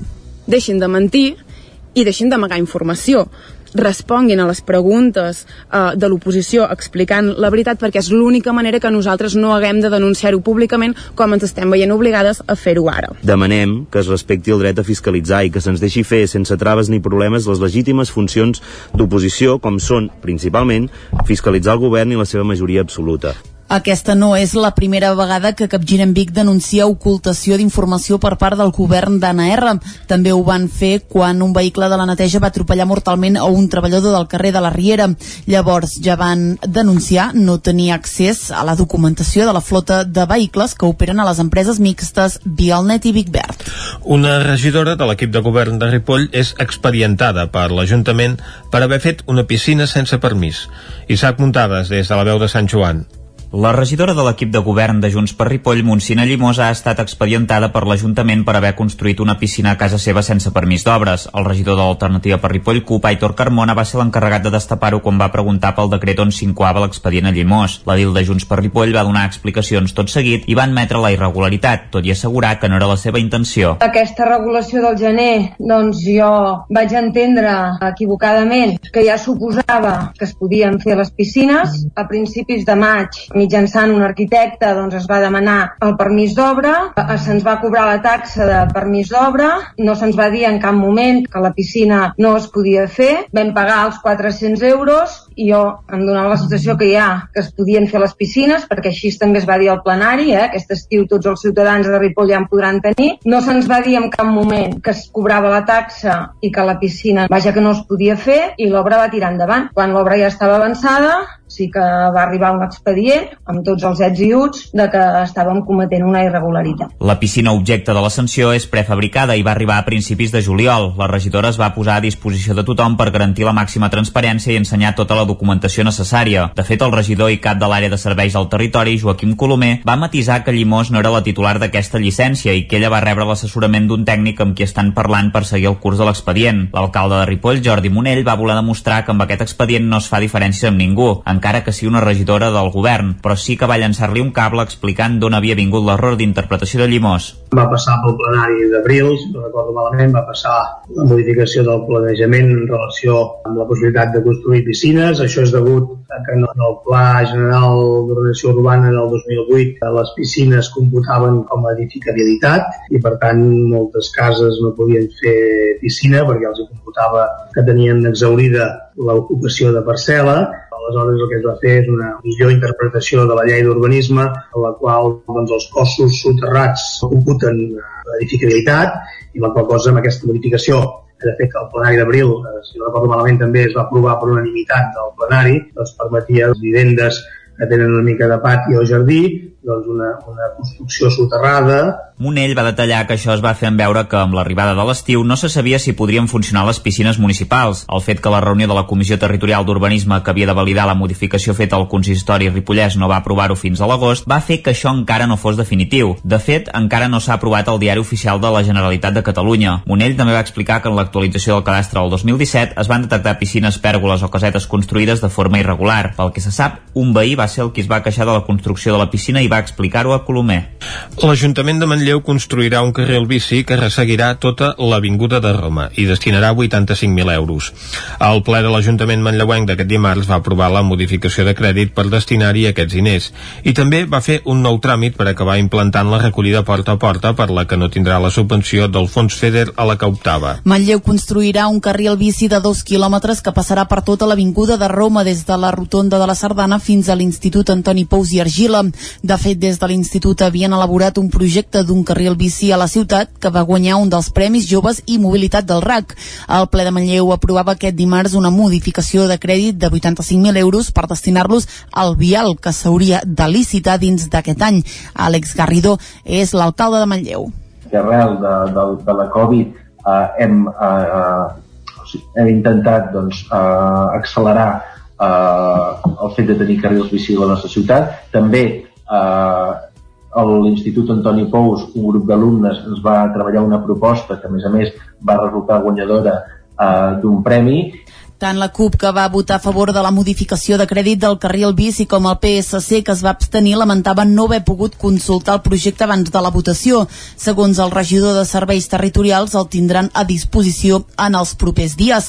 El ple manlleuenc també va donar el vistiplau a un nou tràmit en el procés per acabar implantant la recollida de residus porta a porta, que inclou el projecte d'establiment on es recull com es portarà a terme el servei i la creació d'una comissió d'estudi. La CUP es va abstenir assenyalant que els tres representants polítics de la comissió són tots de l'equip de govern. Manlleu no disposarà de la subvenció del fons FEDER per implantar el porta a porta a causa de la redistribució de recursos motivada per la pandèmia. L'equip de govern està pendent de possibles noves línies d'ajut de la Generalitat per determinar si el nou model de recollida pot arrencar l'any que ve, si cal adaptar-lo o bé s'ha de retardar. El ple municipal de Llinars va entrar a l'ordre del dia el mateix dilluns la moció de rebuig a la inhabilitació del president Torra. David Auladell, de Ràdio Televisió, Cardedeu. El ple va començar amb la votació per entrar al punt de la moció d'urgència a la sessió, amb els vots a favor d'Esquerra, Junts i el Mall i els vots en contra del PSC i Ciutadans, la moció va entrar a l'ordre del dia. El text redactat des de l'Associació Catalana de Municipis rebutja totalment la sentència del Tribunal Suprem d'inhabilitar el ja expresident, d'inhabilitar el ja expresident de la Generalitat, Quim Torra. Els vots en el rebuig van ser els mateixos, PSC i Ciutadans en contra i la resta del consistori a favor. El mateix ple municipal es va donar compte de les línies fonamentals per la preparació del pressupost municipal per l'any 2021. Al mateix punt també s'adonava compte de la presentació al Ministeri d'Hisenda del govern espanyol. El grup municipal del Mall, Moviment Alternatiu Llinàs, es va queixar pel fet que després de molts mandats, el de dilluns, a excepció de la moció, va ser el primer ple en el que tots els punts eren per donar compte i no hi havia cap votació prevista. Caldes de Montbui aprova definitivament les obres de millora del pavelló Torre Roja. Caral Campàs, des d'Ona Codinenca. L'última Junta de Govern va aprovar de manera definitiva el projecte de reparació i adequació del pavelló Torre Roja. El conjunt de les tasques que s'hi recullen aspiren a millorar la pista, la coberta i els vestidors d'aquestes instal·lacions esportives.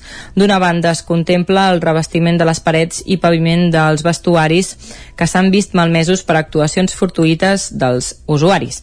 D'altra banda es preveu reparar el terra de la pista de joc que necessita adequacions puntuals després de cada partit per deixar-la a punt punt pel següent.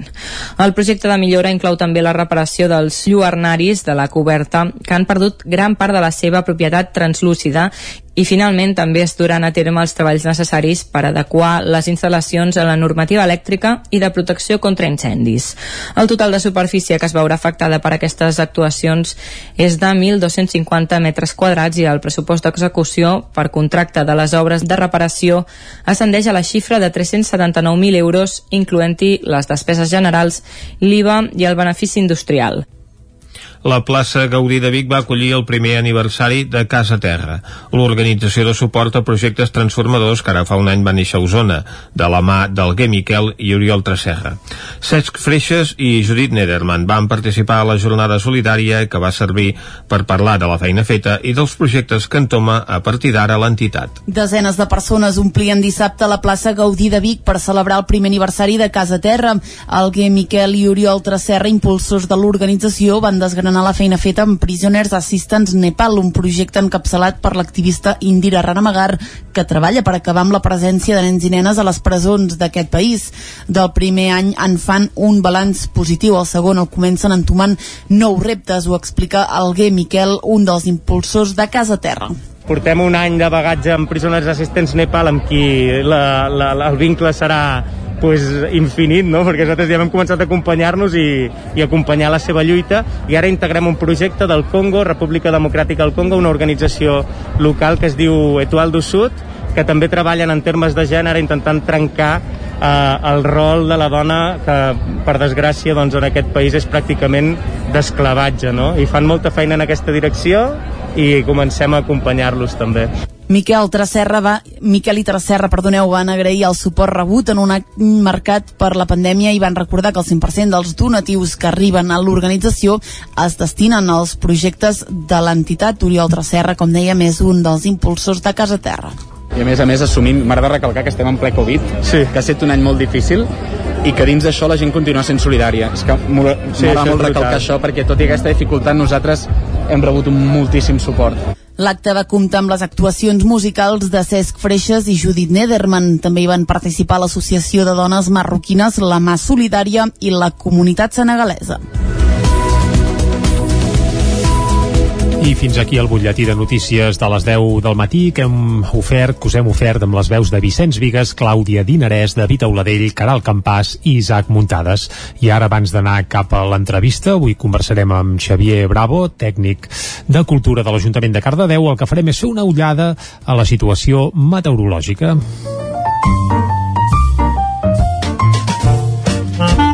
Casa Terradellos us ofereix el temps.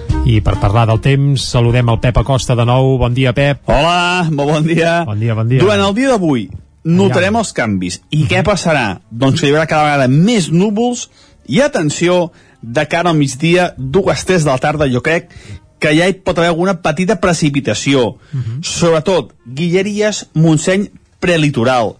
eh, bastant dèbils, no seran molt fortes, jo crec que entre els 5 i 10 litres, com a molt, com a molt, o, un plogui més, la majoria per sota d'aquests 5 litres. Independentment de cara a la nit matinada, cada vegada més núvols al Pirineu, i allà ja pot començar a ploure, això. Jo crec que per les dues, tres de la matinada ja pot començar a ploure i a nevar a partir de 2.500-2.600 metres. Cap al Pirineu sí que la pluja i la neu cada vegada més importants, però com deia, a partir de la matinada. Durant el dia es anirà tapant, es anirà tapant, i cada vegada més tapat. Però on pot ploure més, on pot ploure més, insisteixo, el dia d'avui, és cap al preditoral, sobretot Guilleries, Montseny i zones pròximes. Les temperatures, què faran? Doncs les temperatures seran molt semblants de les d'ahir. Les màximes entre els 20 i els 25 graus. De moment, avui no, no, no notarem les màximes aquesta injecció d'aire fred de nord que se'ns tira a sobre. I els vents, ara mateix, variables, eh, bastant febles, de cara a la tarda-nit, entre la tramuntana, entre el vent de nord i els cims dels Pirineus ja començarà a ser moderada a forta. Per tant, precaució, precaució, si aneu cap al Pirineu, a partir d'aquesta mm, vespre nit, començarà a bufar la tramuntana bastant moderada.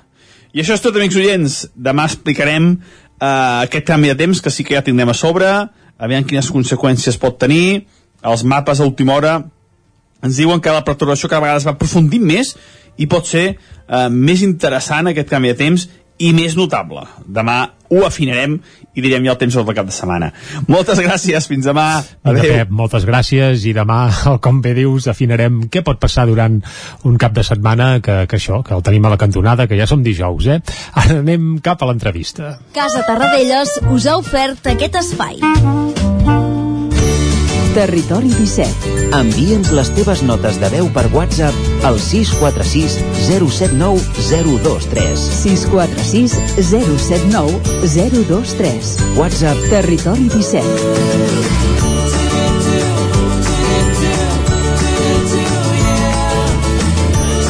Territori 17. Som a Facebook, Twitter i Instagram amb l'usuari Territori 17.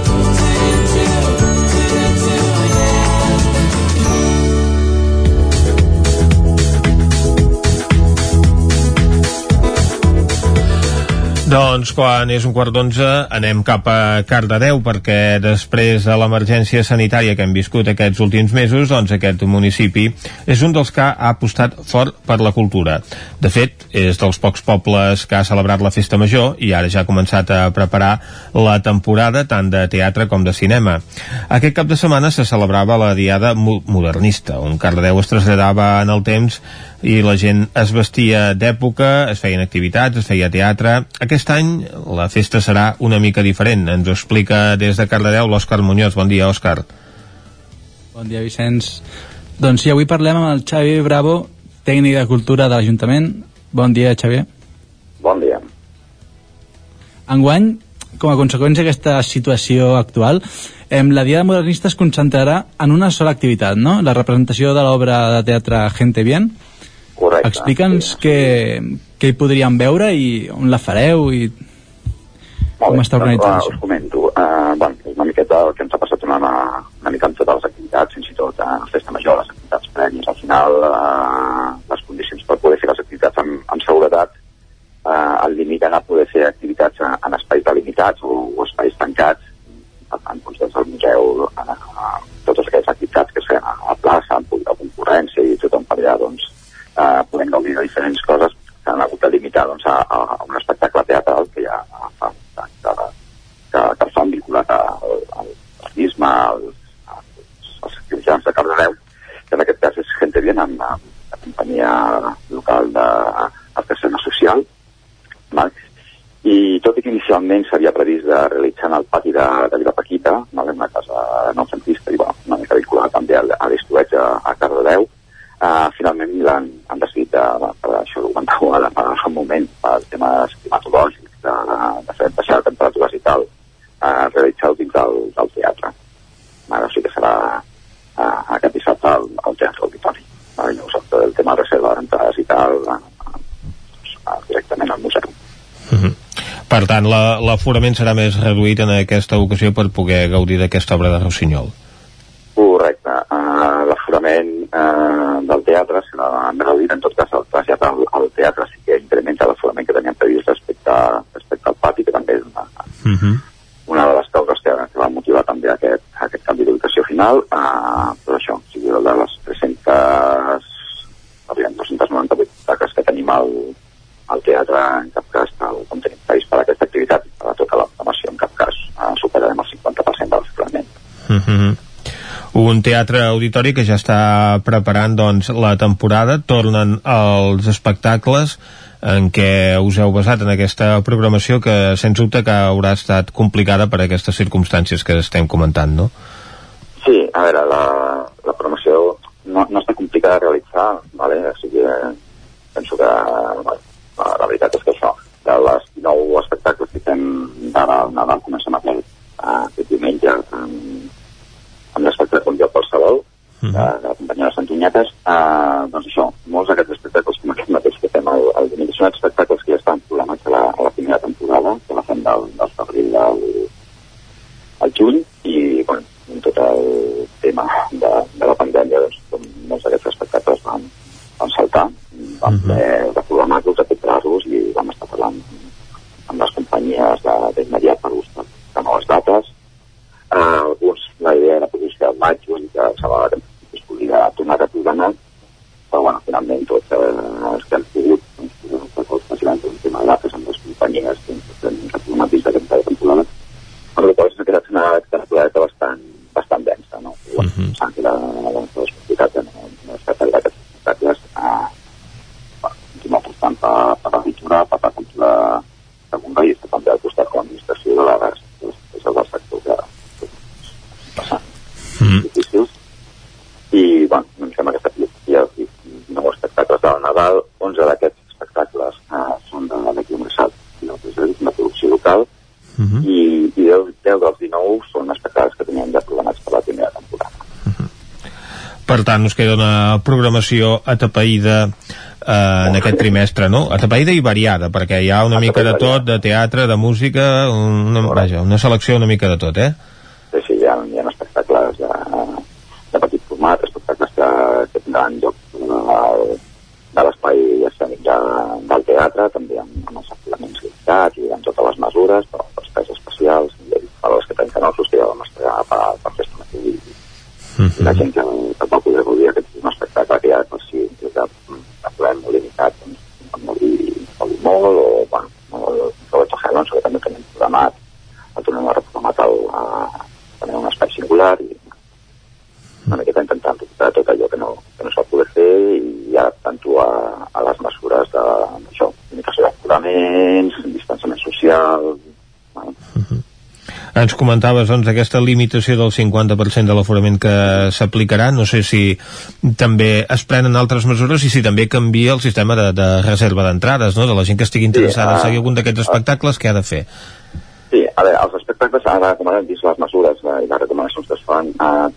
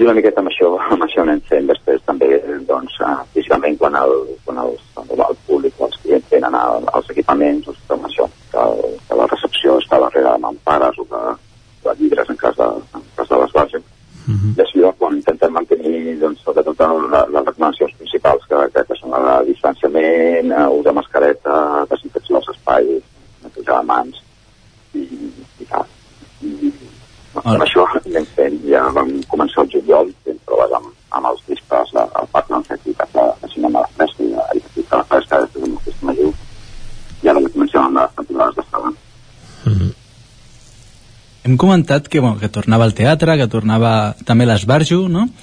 Correcte. Eh, la programació també és, és moguda de, de quan no es va poder projectar o seran noves ah, pel·lícules? Ah, clar, en el cas de l'esbarjo sí que tenim pel·lícules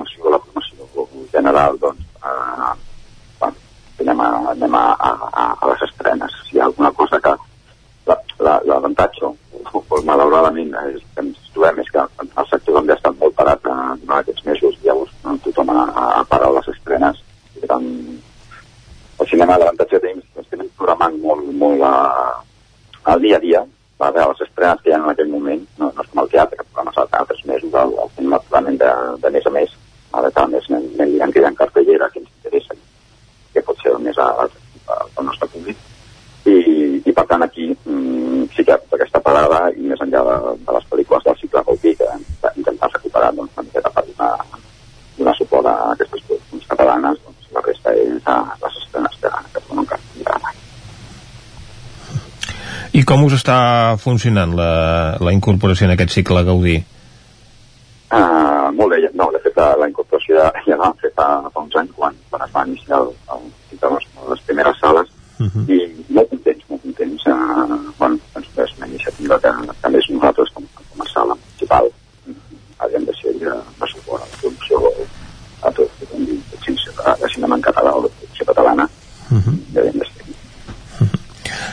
també va ser un dels eh, pocs municipis doncs, que va celebrar la festa major de la millor manera possible, és a dir, intentant reduir al mínim l'activitat habitual. No sé quina valoració en fas de com va funcionar.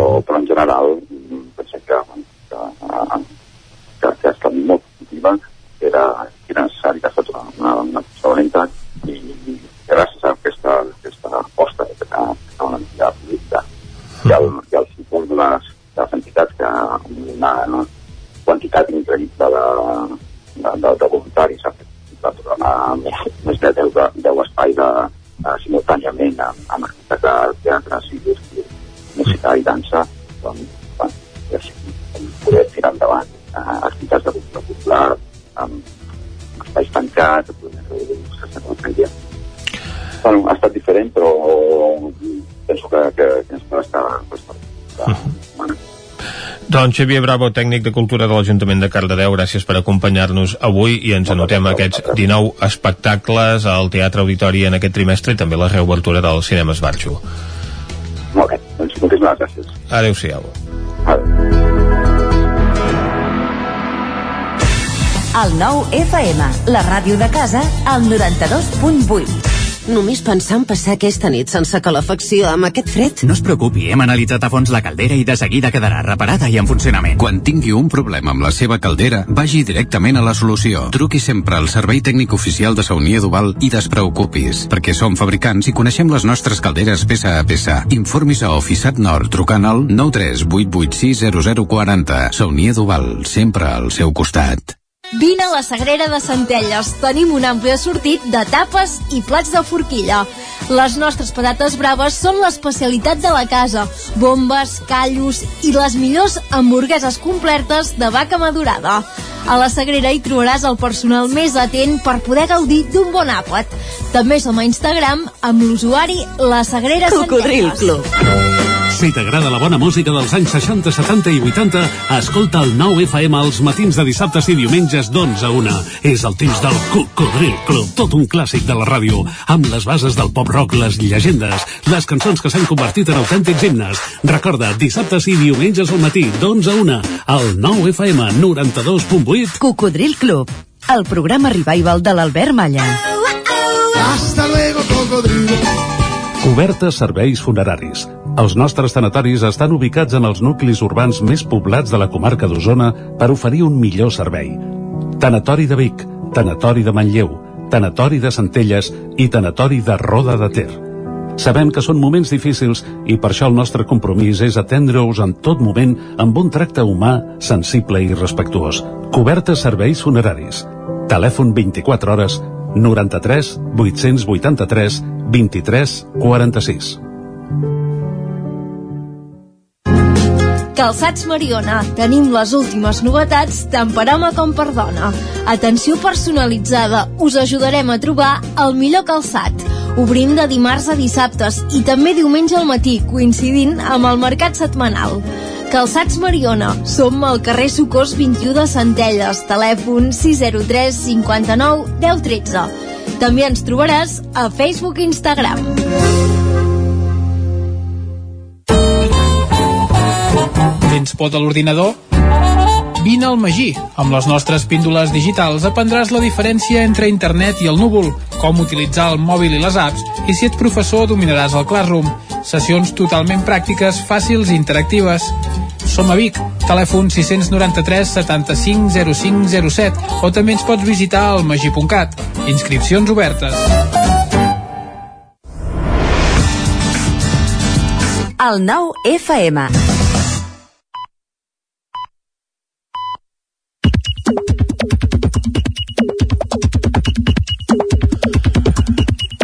Dos quarts d'onze és hora de commemorar l'1 d'octubre a partir dels tuits que ha recollit avui l'Isaac Moreno. Imagines que ara hagués agafat tuits de qualsevol altra temàtica? Però dubto que hagi estat així. Gesta difícil, també, d'altra banda, eh? Exacte. De Miquel- què parla la gent avui? Doncs en Miquel Macià del 30 de setembre de 2017, per exemple. Miquel Macià, 30 de setembre de 2017, quan les urnes eren amagades als alzinars. Fotografia maquíssima d'un sac d'urnes, entenem, penjada d'una branca d'un arbre en un bosc. No sé si les van amagar allà a Vilanova de Sau, o potser va ser només per fer la foto.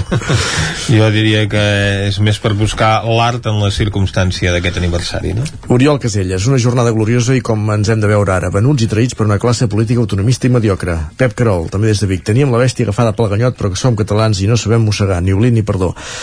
Teresa Jordà, Ripollès i consellera, 3 anys de porres i de repressió contra la causa general de l'independentisme, una victòria incontestable que ens empeny i ens determina a ser més, més forts i guanyar definitivament. Marta Roder, també des de Ripoll, van votar i ens van pagar per fer-ho. I encara continuem colpejant. I encara continuem colpejant però ho, tornaríem a fer, ho tornarem a fer. Miquel R, periodista 1 d'octubre on vam ser, on som, cap on anem busco una piulada que se m'ha traspapelat eh, que és de l'alcalde de Ripoll i diputat Jordi Monell també, que ja que estàvem llegint tu- tuits de ripollesos Exacte. mentrestant Anna, D'equilibrar això. Exacte, mentrestant Anna Pont, també ripollesa però exiliada a Vic, vist en perspectiva sembla increïble que el nostre 1 d'octubre fos real Joan Prat del Exiliar de Vic, però pot tornar a Ripoll quan vulgui. Exacte. Joan Prat de les Masies de Voltregà de, del PDeCAT, de Junts per Cat ahir només va faltar la lluita continua fins a la victòria final, ahir només va faltar que traguessin l'absolució del Rato i companyia és que jo no sé com encara hi ha gent que vol seguir formant part del desastre aquest. Salut, tinguem per seguir empenyant, empenyent i convencent. 1 d'octubre de 2017 vam votar i vam guanyar més piulades eh, encara relacionades amb amb l'1 d'octubre, des del Moianès, Xavier Riusant, 3 anys de l'UO, tenim un poder judicial i un cap d'estat ultra que creu que el problema català es pot esclafar amb repressió i part del sobiranisme creu encara en l'independentisme màgic. No fa autocrítica d'analitzar equivoca, equivocament les forces, els suports i els marcs legals a trencar.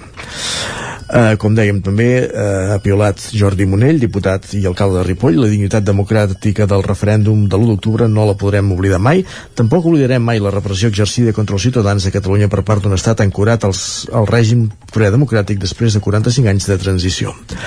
Encara el Moianès, Sílvia Mur l'1 d'octubre vàrem ser un poble unit, vàrem defensar el país i les nostres institucions com mai ho havíem fet, vàrem créixer i vàrem demostrar al món que units som imparables. Records que retornen emocions, nervis, trucades i plors, però sobretot retornen il·lusió. Marc Camacho des de Vic, de Capgirem, aquella matinada del 1 d'octubre, asseguts amb unes cadires a l'entrada del Guillem de Montrodon de Vic, un cigar, una cervesa i una conversa. Poques hores després, fèiem història com a poble o Antoni Borra, fa 3 anys hi érem, avui hi som i serem. Tanta ràbia que porten ja no els pot fer profit, no els en farà, són servidors d'un projecte imposat, antipàtic i caduc, i ho saben. Però hi ha més piolades. per tots els gustos. Hi ha més piolades que no tenen a veure amb l'1 d'octubre, com per exemple la de l'Arnau Coma Joan de Calla Atenes, ahir projecció de la mort de Guillem i amb els seus pares a la mateixa sala. Encara no tinc paraules, mireu-la i emocioneu-vos. La lluita continua i malgrat la gran diferència de dimensions va ser inevitable recordar alguna experiència als jutjats que no ha canviat pas gens. Montse Catllà, directora de la Fundació L'Atlàntida, aquest divendres obrim la temporada escènica a l'Atlàntida amb un llamp de concert. Roger Usar presenta Llamp de Bosc i nosaltres que frisem per ser-hi. Eps, hi haurà superconvidats Joan Serrat, Marina Rossell, Santi Serratosa, i evidentment que no podia passar per alt en Roger Usar que també ho comenta va que això és de demà i serà maco i segur i has de ser perquè com diuen els Tirnanoc will you come and see the show you know it helps it it to go entrades Queda aquí, clar. sí, claríssim entrades aquí, entrades a la web de l'Atlàntida vol dir. I acabem a les Llosses, Imma Puig Corbé, pagesa, ramadera, els esmorzars amb orgull, patat i col xafada amb mongetes seques passat per la paella i hamburguesa de vedella, tot de casa, som de Cal Afortunat. I si veus les fotos fa salivera, a més a més. Doncs ara el que farem és repassar el que diuen les portades del 99.cat. Doncs la d'Osona i el Ripollès, noves mesures a Vic i Manlleu per frenar la Covid-19, es pot veure el vídeo també de Roda de Ter tanca la festa major més atípica Osona té 72 grups escolars confinats i concentracions a Osona i concentracions a Osona i el Ripollès de rebuig a la inhabilitació de Quim Torra. A la portada verda del Vallès Oriental la reobertura de Sant Miquel del Fai encara no té data. Els catarres busquen la persona infiltrada de TV3 l'alcalde de les Franqueses renova el cartipàs després de la sortida del PSC i instal·la un semàfor la cruïlla de l'accés al polígon del Tenes a Lliçà d'Amunt. Molt bé, doncs eh, gràcies Isaac per aquest repàs. Nosaltres anem ara a la taula de redacció. Bon dia. Territori 17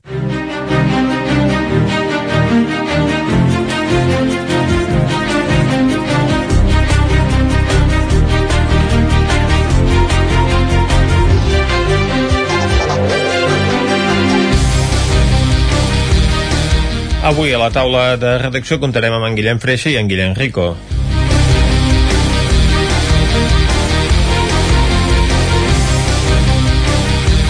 Comencem, Guillem Rico, amb el que va donar de si el ple del Consell Comarcal d'Osona. Uh, bon dia, sí. Va donar... Bé, va durar... No va donar per gaire. Va durar, però no va donar per, donar per gaire. De fet, hem de dir que amb, eh, amb aquest mandat els plens són una mica més llargs, perquè, com sabeu, el, el president uh, li agrada li agrada per explicar bé les coses i llavors també uh -huh. això fa que s'allargui tot plegat.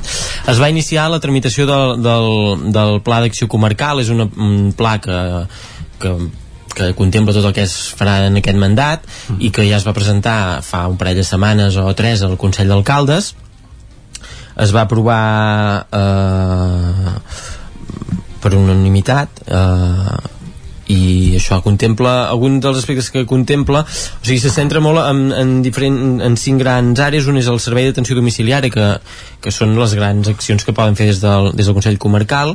L'altre és la recollida de residus i neteja també hi ha el servei d'animals de companyia. El tema de l'aigua en baixa i en alta que també s'està creant aquesta empresa eh, i llavors també hi ha el tema d'assistència local. Eh, un dels punts que sí que eh, van explicar una mica les accions que, que hi han perquè tant en, per exemple en el tema dels residus com el tema de la Fundació Assistencial, la FADO, que ofereix el servei d'atenció domiciliària doncs acaben eh, o caduquen les empreses que ho portaven a terme i aquesta part que s'ha de decidir veure com, com s'afrontarà properament i per altra banda hi ha aquesta creació de l'empresa de l'aigua que ja està creada i, però que encara no està en funcionament perquè els ajuntaments puguin delegar la, la, el servei uh, en aquest sentit van explicar que ja està bastant definit van, crear, van aprovar crear unes comissions d'estudi tant per una cosa com per l'altra i en el cas del servei d'atenció domiciliària uh -huh. tot i que es va aprovar aquesta comissió uh, aquest model que s'havia quedat el 2012 que era la FADO eh, no, no pot continuar prestant el servei també recordem que fa uns mesos parlàvem que des del Consell Comarcal s'havia demanat a, als diferents alcaldes i ajuntaments doncs, que posessin més diners perquè el servei era deficitari uh -huh. un fet que també s'ha agreujat amb, amb la pandèmia Clar. perquè a més a més eh, molts serveis no s'han acabat fent per temes de, de, això, de, de mesures sanitàries uh -huh. eh, per evitar contactes amb persones externes, etc. i llavors això també ha fet augmentar aquest, aquest dèficit.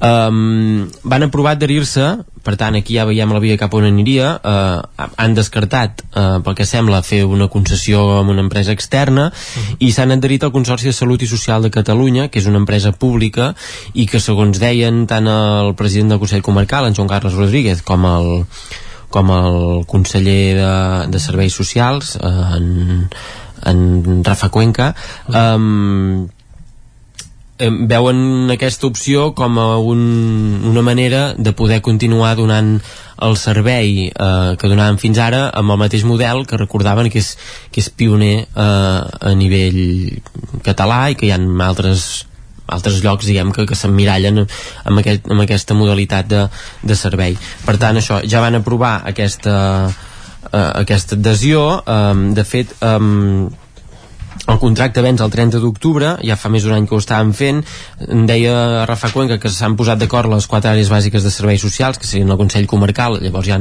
ajuntaments, eh, els ajuntaments més grans que ho, que ho presten directament i, i també hi ha els de la zona de la Mancomunitat. I um, això, s'aposta per aquí, de moment deia que no s'ha decidit res del tot perquè aquesta comissió que ho ha d'acabar de decidir però sí que eh, uns punts en, més enllà van acabar aprovant aquesta adhesió que, que si més no és un tràmit que s'ha de fer per, per poder-ho per poder tirar endavant. Eh, els altres punts van ser bastant de tràmit i sí que hi va haver eh, una un, uns punts d'urgència que un era eh, aquesta moció de rebuig a la sentència de, per la inhabilitació de, del, de, de, president, del president Torra.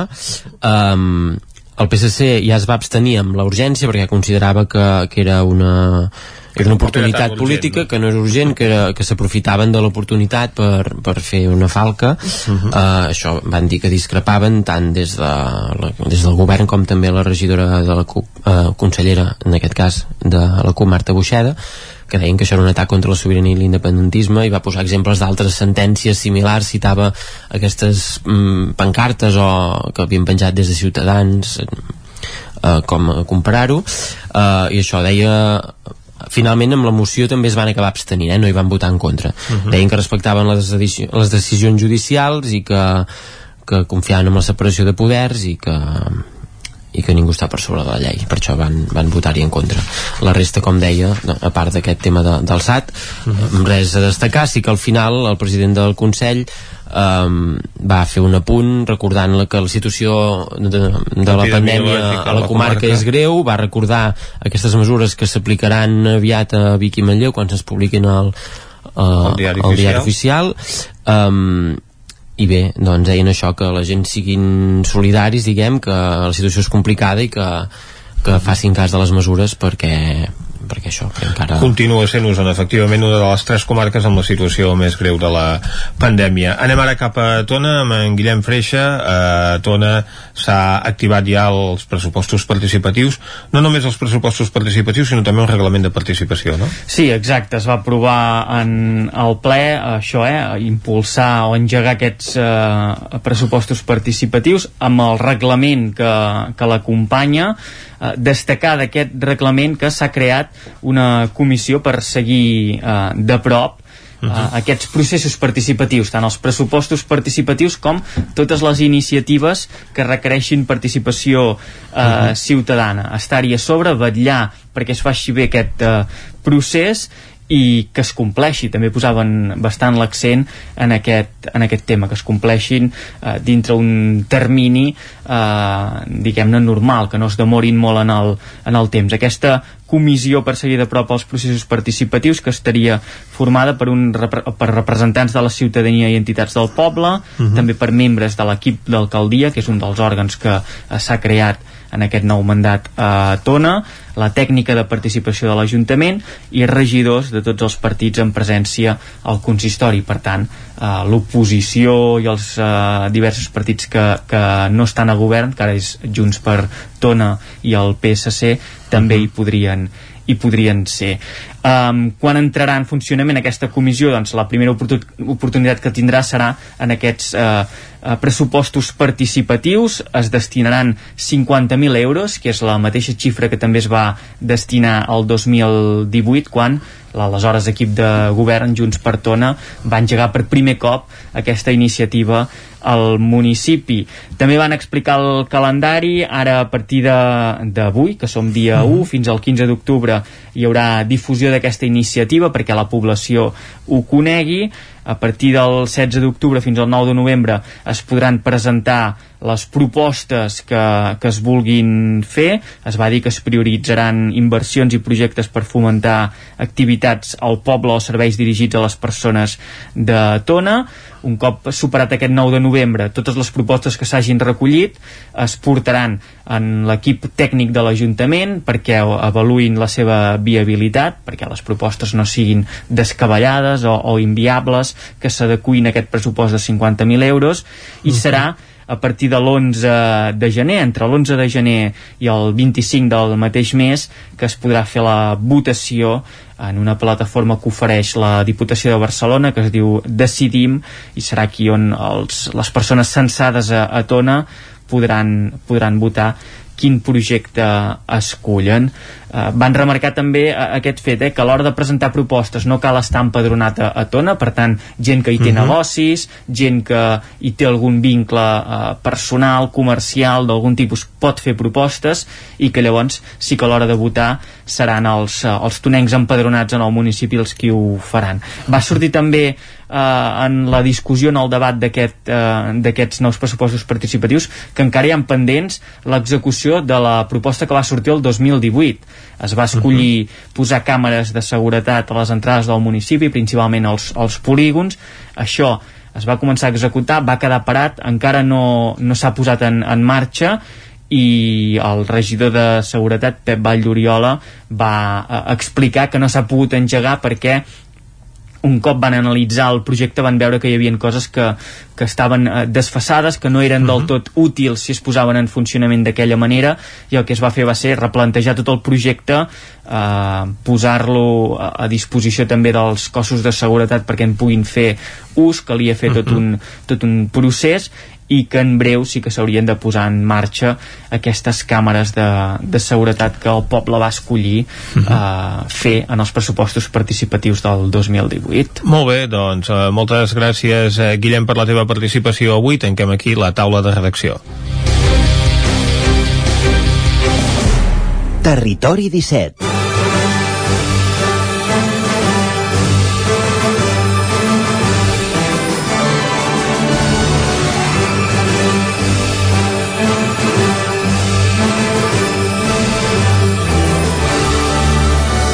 Doncs, Vicenç, tanquem la taula de redacció i ens n'anem cap al cinema. Doncs anem cap al cine. Bé, anem cap al cine i, evidentment, no hi anem pas sols, mm -hmm. perquè mhm. nosaltres, de cinèfils, diguem que... Necessitem l'acomodador que ens il·lumini fins a la pantalla. I ell és la Núria Lázaro, que em sembla que aquesta setmana ha conversat amb un director de cinema. La saludem de seguida, Núria. Molt bon dia. Bon doncs dia. aquesta setmana havíem de parlar del Festival de Sant Sebastián, que es va celebrar aquest mm, passat cap de setmana, però he trobat una cosa molt molt més interessant i us porto una sorpresa. De, de fet, no us la porto jo sola. Avui estic acompanyada per l'Aleix Canovas, que diríem que és l'Steven Spielberg de Carai. Cardedeu. Carai. Bon dia, Aleix. Bon dia, Núria. L'Aleix té 19 anys, pels que encara no el conegueu a casa, i ha fet tres curs i té en camí el seu primer llargmetratge, podríem dir, no? Sí. En camí no està. D'on et ve aquesta passió pel cinema? Pues, des de molt petit um, m'han apassionat bueno, el, els vídeos en general, tot el contingut que veia de YouTube, em passava hores mirant vídeos de YouTube sigui quin sigui el vídeo. I un dia vaig decidir fer-me un canal de YouTube que ara ja està mm, borrat. Puc preguntar si en aquest canal de YouTube feies els típics vídeos virales de YouTube? Sí, ho feia, encara que no, no sean virals, òbviament, però s'intentava pues, eh, vaig començar a fer-me un canal de YouTube amb un amic, després vaig fer-me un per mi sol, i des d'allà que vaig anar practicant i vaig anar fent vídeos i algun, algun curt així com més cutre. I, bueno, van bé d'aquí. I des d'allà, pues, vaig començar Sí, jo vaig començar YouTube, o sigui, a consumir YouTube, que ja era bastant gran, però tu, que ets més petit que jo, quants anys tenies quan vas descobrir el món de YouTube i, sobretot, què és el que consumies? O sigui, a part de tu fer coses, què veies a YouTube que hi havia? Veia molts challenges d'aquests, de que algú es proposa fer alguna i no sé, com, com que un youtuber ho fa, llavors ho comencen a fer tots i coses així. També hi havia un, era l'Ice Bucket Challenge, que es tiraven uh -huh. gel, bueno, que també donaven en no sé què, no me'n recordo ara, i hi havia altres challenges de preguntes i coses així que jo em dedicava pues, a copiar i fer la meva versió. Sí, podríem dir que va ser més YouTube que no pas mm, que t'agradessi molt mirar que t'agradés molt mirar pel·lis o sèries en aquell moment, eh? ara ja t'has fet més gran suposo que les coses han canviat sí, ara les coses han canviat també, primer va, vaig començar amb YouTube, després vaig seguir amb les pel·lis i vaig veure que m'interessava no només veure la pel·li, sinó veure com l'havien fet i veure... Um, detrás de les sí, escenes, no? detrás de les càmeres i tot això. I ara, pues, igual. Ara no està en YouTube, sinó que és més pel·lis. Podríem dir que els curs que has fet, no des... jo de tu no desmereixeria cap, tenen una temàtica en concret, no?, que seria una mica el misteri, jugues amb aquest punt de no saber què passa. Eh, T'has plantejat fer alguna cosa més tirant a l'humor, algun altre tipus d'estil, de gènere, o realment vols que vagi cap aquí la teva obra? A veure, es podria dir que a mi em tira més al misteri. L'únic que sí que en, en l'últim projecte que he fet, que era un llarg, vaig provar a fer alguna escena d'humor i sí que s'ha de dir que és de les que m'ho vaig passar millor gravant perquè les, les de misteri són com més avorrides de gravar per mi, però la d'humor em vaig riure molt i sí que m'agradaria provar alguna d'humor també. Que és més complicat fer humor o misteri, així com por? Jo crec que misteri. Per què? Perquè amb, bueno, pel meu punt de vista el misteri és com que s'ha de mirar tot i molts detalls i moltes coses i humor és com més jo veig més com a la babalà no tant que així, però com que no s'ha de cuidar tot tant. Bueno, jo ho veig així. Sí, bueno, al final, no? Per, per fer un susto has de generar molt bé sí. el que sí. estàs fent. Quins referents podríem dir que tens del món del cinema? En qui t'inspires? En l'última pel·li, per exemple, m'inspiren molt amb, amb el director de Dark, Uh -huh. que ara mateix, no sé com es diu, Barandu no sé què, bueno... Jo ni idea, no, no me'n recordo. Però m'ha inspirat molt amb aquesta sèrie i molts detalls i moltes maneres de fer que m'agraden molt i les he intentat pues, copiar. Bueno, fer la meva versió d'això. I crec que més o menys ho he aconseguit. I parla'ns ara de Cafi, que pels que no ho sàpiguen a casa és la productora de l'Aleix, Aleix Cànovas, per cert. Si busquen a YouTube Producciones, Caffi és? Caffi Productions, sí. Això, Caffi Productions.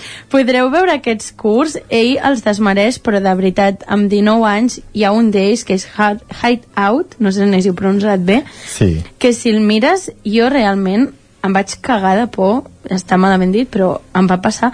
Està rodat, a més, a l'Hospital del Tòrax, que això ja té un, un plus, però de veritat que està super ben fet. Parla'ns una mica d'aquests tres curs que ja tens i que la gent pot veure a YouTube. Amb quin vas començar i per què vas fer aquest primer? No sé si era part d'un treball de classe. Sí, el primer curt com així més oficial que vaig fer va ser Hideout, que era part del treball de recerca que vaig fer per l'Insti. i sí que havia fet més curts anteriorment, però és com que aquest va ser com el que més vaig cuidar i el que, no sé, és com el meu primer curt ben fet. I sí que és Està veritat que bé, en el eh? seu moment vaig dir, hòstia, que bé està. Però fa unes setmanes vaig tornar-ho a veure i vaig veure com que havia millorat molt respecte a això. O sigui, vaig... Ara he fet una peli i veig com que està tot molt més cuidat i molt més professional que el de el curt que vaig fer fa dos o tres anys. Però és això, al final, quants anys tenies en aquell moment? Tenia 17. Clar, si veus aquell curt, realment, a nivell estètic està super ben fet. Suposo que ara, quan plantegis les coses, les faràs pues, ets més adult i maduraràs i les faràs d'una manera diferent, però al final això no vol dir que, no, que estigui malament, tampoc. No, no, al final és l'aprenentatge i es, el guai és que es va notant a través dels curts i a, mes, o sigui, a mesura que van passant els anys pues es veu com que estan més corrects Després de Hideout, què, què li va seguir? després vaig fer un amb una amiga que es deia El hilo de la vida i més tard vaig fer un bueno, després va venir la peli Uh -huh. i després va venir un altre curt que es diu Ding Dong Ding Dong, que ho vaig fer amb la meva tieta que també li agrada molt actuar La seva tieta, que és, això no va dir, és la gran actriz de les sèries i pel·lis de, de l'Aleix. I Sí. parla'ns una mica del llargmetratge.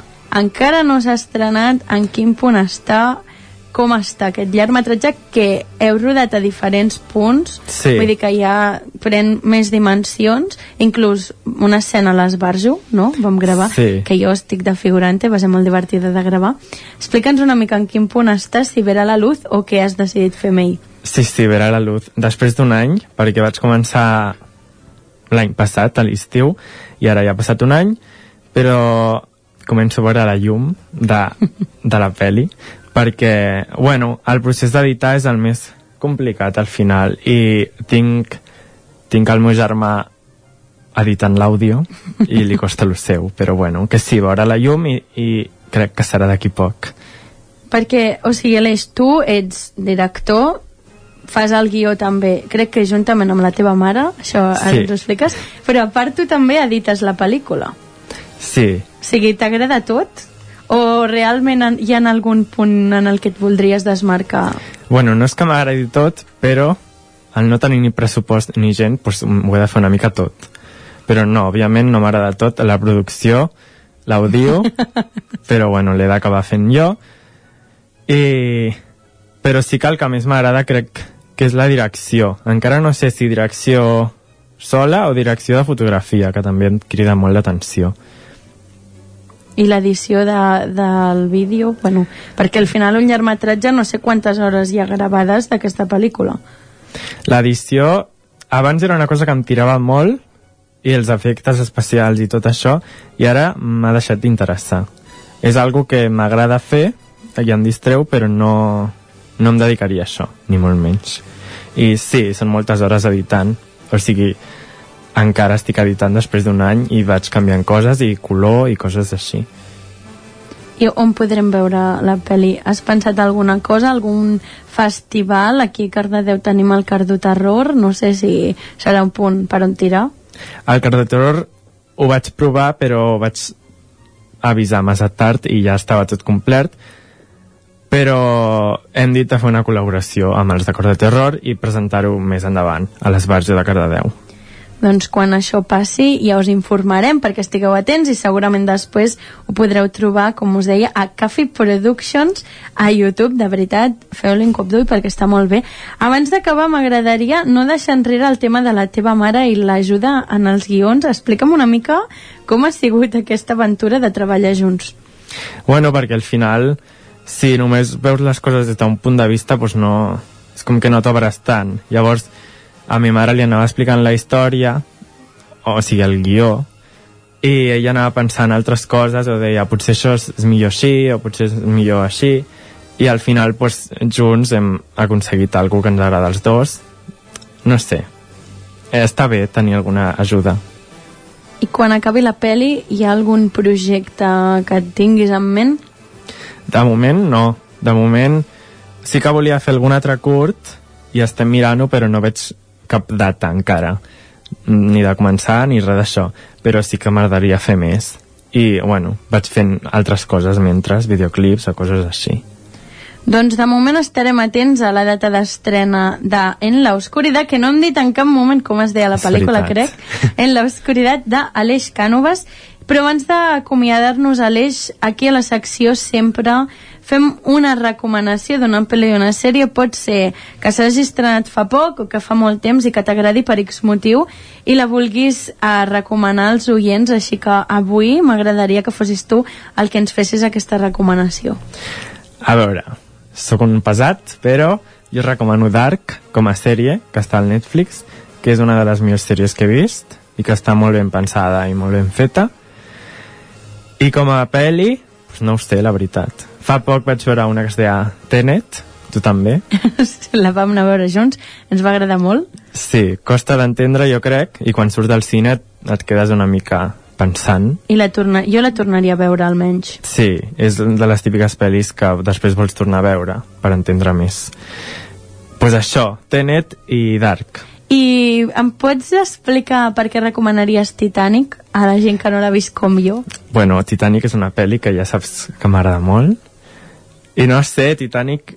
Eh, a mi m'agrada molt des de petit i és com la típica pel·li que tothom mira, però m'agrada molt i sobretot m'agrada com la van fer. Perquè jo de petit la veia i deia tot això són efectes, efectes, efectes. I un dia vaig començar a mirar com l'havien fet i vaig veure que havien construït una part del barco sencera i no sé, em va com flipar molt tot. I m'agrada molt, no sé, m'agrada com està feta. Doncs ja veieu que la visió de l'Aleix Canovas va més enllà de l'argument de la pel·lícula. Moltes gràcies, Aleix.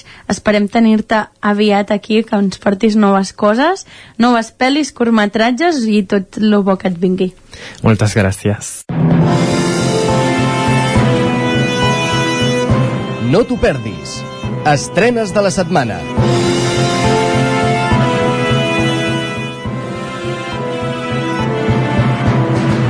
Doncs ara sí que sí, anem a les estrenes de la setmana, no sense abans, però, explicar-vos dues cosetes. I és que demà l'Isaac Muntades farà una entrevista als organitzadors del Festival Gullut.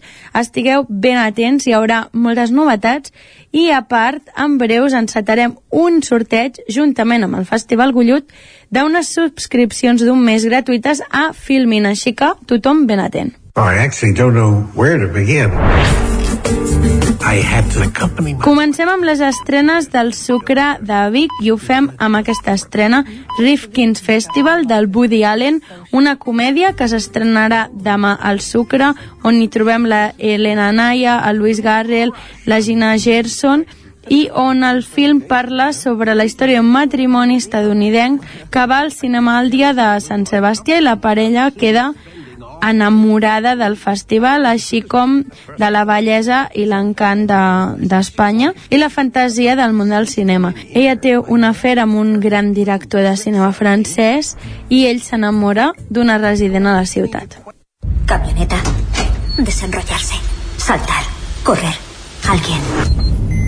Una altra de les estrenes és L'habitació de Room del Christian Bulkman, en aquest cas és, és una pel·lícula de, de terror que parla sobre el Matt i la Kate que compren una casa aïllada i quan es muden descobreixen una habitació estranya que els dona un número il·limitat de desitjos materials però com que la Kate ha tingut dos avortaments involuntaris, el que més els hi estranya és un nen. Necesito un billete. ¿De dónde? Para casa. I l'última estrena del cinema Sucre de Vic serà Explota, Explota, del Nacho Álvarez, un drama, en aquest cas una història espanyola que explica la història de la Maria, que és una ballarina jove i amb moltes ànsies de llibertat a principis dels anys 70, que és una època en la que Espanya va estar marcada per, per la censura, especialment a televisió. Amb ella descobrirem com fins i tot els somnis que semblen impossibles es poden fer realitat i ho farem a través dels grans èxits de la Rafaela Carra. Passem ara a les estrenes del cinema Esbarjo. Avui s'estrena el documental del mes amb Marwa Petita i Valenta, de la Dina Nasser, en versió original en àrab, que estarà subtitulada al català. I a l'Esbarjo també aquest cap de setmana trobarem la pel·lícula Un Mundo Normal el 2, el 3 i el 4 d'octubre en sessions diferents, divendres a les 10 del vespre, dissabte a les 8 de la tarda i diumenge a les 7. I acabo amb les estrenes del cinema Comtal de Ripoll, que es farà dissabte a les 7 i quart, Pinocho, a, a les 9.30, dos quarts de 10, Uno para todos, la pel·lícula del David Verdaguer que en vam parlar molt la setmana passada, i que aquestes mateixes pel·lícules les podreu veure també diumenge. I amb això ja acabo. La setmana que ve us porto més novetats, curiositats del món del cinema. Estigueu ben atents perquè hi haurà sorteig i també les estrenes de la setmana. ¿Has metido la abuela en un armario? No es un armario. ¿Y esta furgoneta dónde ha salido? Es de mi amigo Pedro el Mago. ¿Alguna pregunta más? ¿Se te hizo la olla o qué? Dime que no es cierto, por favor. ¿Qué es esto? Señor Caral, no tengo mano.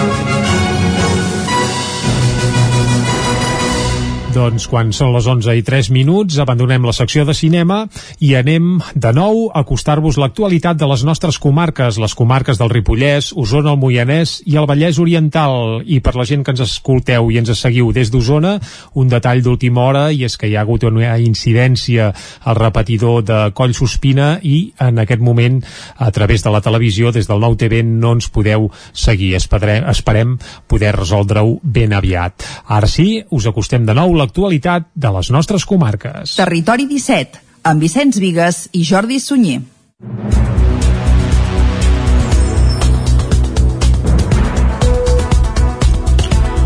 El Procicat, liderat pels departaments de Salut i d'Interior, ha aprovat mesures especials a Vic i Manlleu amb l'objectiu de reduir l'augment de contagis de Covid-19. Aquestes mesures entraran en vigor quan es publiquin al Diari Oficial de la Generalitat de Catalunya i s'aplicaran durant 15 dies. Es demana a la ciutadania que es quedi a casa tant com pugui i que redueixi al màxim l'activitat social i limiti els contactes a les persones que integren el grup de convivència habitual.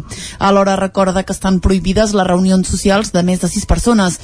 Pel que fa als actes religiosos com casaments, serveis religiosos, celebracions i cerimònies fúnebres, aquests hauran de limitar l'assistència al 50% de l'aforament. En l'àmbit de l'hostaleria i la restauració s'elimina el consum en barra i sempre s'haurà de realitzar a la taula. També es limita l'aforament tant a l'interior com a l'exterior un 50%. L'horari de tancament d'aquests establiments serà a la una com a màxim. Sempre que sigui possible s'haurà d'utilitzar preferiblement servei a domicili i comandes per emportar. L'aforament de les activitats esportives també es limitarà a un 50%, sempre seguint els plans treballats en l'àmbit del Procicat. Salut preveu fer 20.000 PCR en escoles en una primera fase de cribratges fins a mitjan d'octubre. Els departaments de Salut i Educació han començat aquest dimarts els cribratges de Covid-19 en escoles de Barcelona i l'Hospitalet de Llobregat. Són els primers que es fan en centres situats en zones amb diverses situacions epidemiològiques amb la previsió d'arribar a les 20.000 proves PCR en una primera fase fins a, final, fins a mitjans d'octubre. En els darrers dies també s'han fet cribratges al Puigdegut de Manlleu i a Canet de Mar on la transmissió del virus és alta. A Manlleu s'han detectat 15 casos positius i s'han confinat 8 grups. També es faran tests serològics en els alumnes que donin positiu els cribratges per detectar si es tracta d'una infecció passada i així evitar confinaments innecessaris, una mesura que s'ha d'estudiar si funciona. Vigues i Riells insta Sorea a revisar les lectures de subministraments d'aigua que s'han emès durant el confinament. Caral Campàs, des d'Ona Codinenca. A causa de la impossibilitat de dur a terme lectures de comptadors durant l'estat d'alarma, Sorea va estimar un consum a cada contracte igual al del mateix període de l'any anterior. Això ha provocat una llau de queixes dels veïns de Vigues i Riells que manifesten que les factures durant els mesos de confinament no s'ajusten a la realitat. En el ple que es va celebrar el passat dijous, el grup municipal Abdir va presentar una moció precisament sobre la facturació del segon trimestre del Servei Municipal d'Aigua d'aigua. Tots els grups municipals s'hi van adherir i la van aprovar per unanimitat. Aquesta moció insta a Sorea a revisar les lectures estimatives que pertanyen als mesos de confinament.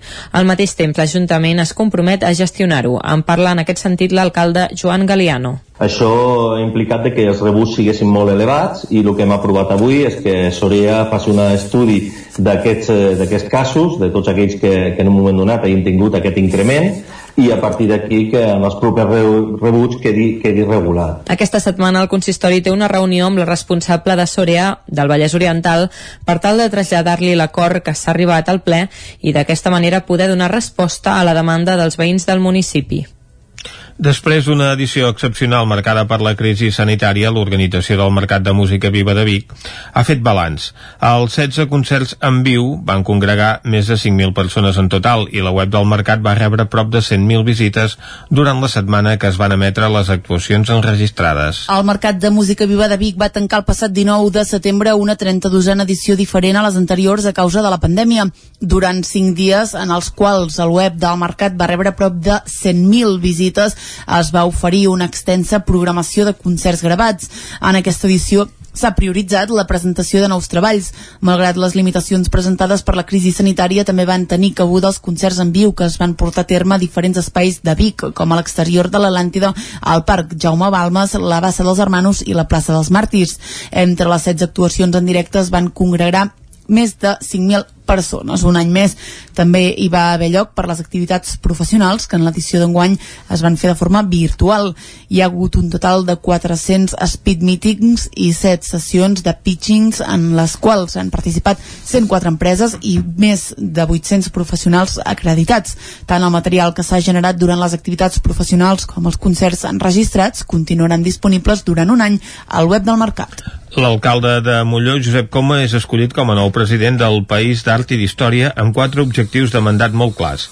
Isaac Muntades, des de la veu de Sant Joan. L'alcalde de Molló, Josep Coma, va ser escollit com a nou president del País d'Art i Història de les Valls Catalanes del Tec i del Ter a l'assemblea que es va fer dijous passat a Prats de Molló i va agafar el relleu de l'exalcalde de Morellàs les Illes, André Bordaneil. Coma, que ostentarà el càrrec durant dos anys fins a l'octubre del 2022, estarà acompanyat de dues vicepresidències, les quals són per l'alcaldessa dels Banys d'Arles, Maria Costa i Martí Vilà, un regidor de Saret. Per ser més exactes, Coma ocuparà la presidència de l'Agrupament Europeu de Cooperació Territorial, que és una mena d'administració semblant a un consorci creada per les institucions europees per fomentar la cooperació transfronterera. L'AST es va crear l'any 2015, mentre que el País d'Art d'Història de les Valls Catalanes del Tec i del Ter és una marca del Ministeri de Cultura francès, creada el 2010, que desenvolupa projectes per valorar el patrimoni cultural i natural de la zona. L'AST està formada per 35 entitats, entre les quals hi ha 31 municipis del Vallespí i el Ripollès, com són tots els pobles de la Vall de Camprodon i Sant Joan de les Abadeses, però també hi ha mancomunitats de municipi i alguna altra administració francesa. Coma va detallar que per aquest mandat tenen quatre objectius i el més important fa referència al projecte POCTEFA. El tercer objectiu tenim és tancar el projecte POCTEFA que tenim en aquests moments. Vam concedir un POCTEFA, uns fons europeus transfronterers amb uns 3 milions d'euros de subvenció i ara estem a punt de tancar aquest projecte que suposa doncs, diverses obres i projectes en els municipis. Per exemple, a Mollorets el camí de la retirada, ara es va inaugurar la Roca, el mirador de, de la Roca, Vilallonga, i s'estan també amb aquestes ajudes europees construint els centres d'interpretació, el principal que va a Prats de Molló, però després n'hi haurà 10 escapats pel territori. Aquí a l'Estat del Ripollès n'hi ha una a Sant Joan i una a Camprodon. I que hem de tancar aquest POCTEFA, justificar la subvenció i segurament demanar de nova ajuda europea, un nou POCTEFA amb els nous fons europeus. Els altres tres objectius consisteixen en renovar la marca del País d'Art i d'Història, que caducarà l'any vinent després d'una pròrroga que s'ha donat per la Covid-19, treballar la candidatura a l'UNESCO de les Festes de l'Os, que se celebren a Arles de Tec, Prats de Molló i Sant Llorenç de Cerdans i que elaboraran un dossier conjunt amb Andorra, i finalment també volen accionar de cara al 2021 els municipis de la Garrotja i de l'Empordà que toquen a la frontera, com la Vall de Bianya, Sant Joan les Fonts, el Banyà o Sant Llorenç de la Muga, entre d'altres. La Fira Ecosocial de Cardedeu, en versió mig presencial, mig virtual, tanca aquest any amb una valoració positiva dins tota la normalitat en què s'ha fet. David Oladell, de Ràdio Televisió Cardedeu quatre dies de xerrades centrades al voltant de l'alimentació, la cultura, la cooperació i les desigualtats internacionals. Aquests temes són els que es van tractar a la tercera edició de la Fira Ecosocial de Cardedeu, aquest any marcada per la Covid. Tot i això, i gràcies a la reubicació d'espais i organització, la fira es va poder fer amb total normalitat, encara que sense parades i sense aquesta proximitat a la ciutadania que hi havia hagut altres anys al fer-ho al carrer. Ramon Arribas, regidor de Desenvolupament Econòmic Local. Fem una, una lectura positiva de com ha anat aquesta fira d'economia social i solidària i de cooperació internacional tot i que eh, no hem pogut fer la fira de contacte i el protagonisme directe de les entitats, tant siguin les de cooperació com siguin aquells projectes d'economia social i solidària, doncs aquell contacte directe que poden tenir amb la ciutadania de Cardeu no s'ha pogut produir. Per tant, esperem de que en futures edicions puguem resoldre-ho. Sigui, aquest tema doncs, ha, quedat, ha quedat pendent i, i justament tant amb la cooperació en els projectes de cooperació com en els projectes d'economia social aquest contacte humà, aquest rostre humà és, és fonamental, no? Per tant, esperem que l'any que ve ho puguem corregir-ho.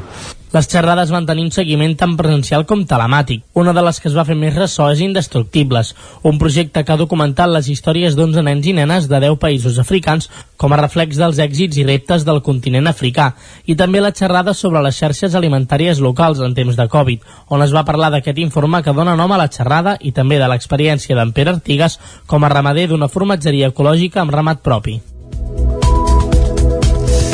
I fins aquí el butlletí de notícies de les 11 que us hem ofert amb les veus de Vicenç Vigues, Clàudia Dinarès, David Auladell, Caral Campàs i Isaac Muntades. Recordem que si ens voleu seguir ho podeu fer des de la veu de Sant Joan, des del nou FM, des de Ràdio Cardedeu, des d'Ona Codinenca i ara mateix també des de la web, per exemple, del 99, el 99.cat. En canvi, des del nou TV, on habitualment Territori 17 també es pot seguir, hi ha hagut una incidència als repetidors de Collsospina i actualment estem a l'espera de poder recuperar el senyal televisiu. Territori 17, per això, segueix de seguida amb curiositats del català amb Cristina Enfruns. De seguida la saludem. Anem-hi. Territori 17. Envia'ns les teves notes de veu per WhatsApp al 646 079 023. 646 079 023. WhatsApp Territori 17.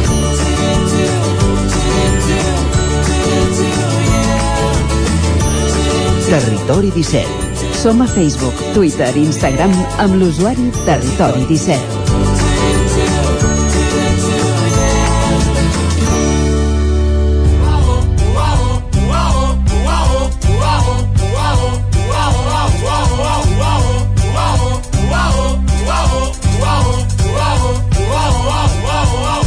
Me sobren paraules. Ens sobren paraules. Vicenç, falta un minut per un quart de, un quart de 12 del migdia. Ens sobren paraules maldites. Ah, sí, ah, exacte. Però per això tenim la Cristina Enfruns. No maleïdes, sinó maldites. Uh, que ens il·lumina i ens ajuda a parlar molt millor el català. Cristina, molt bon dia.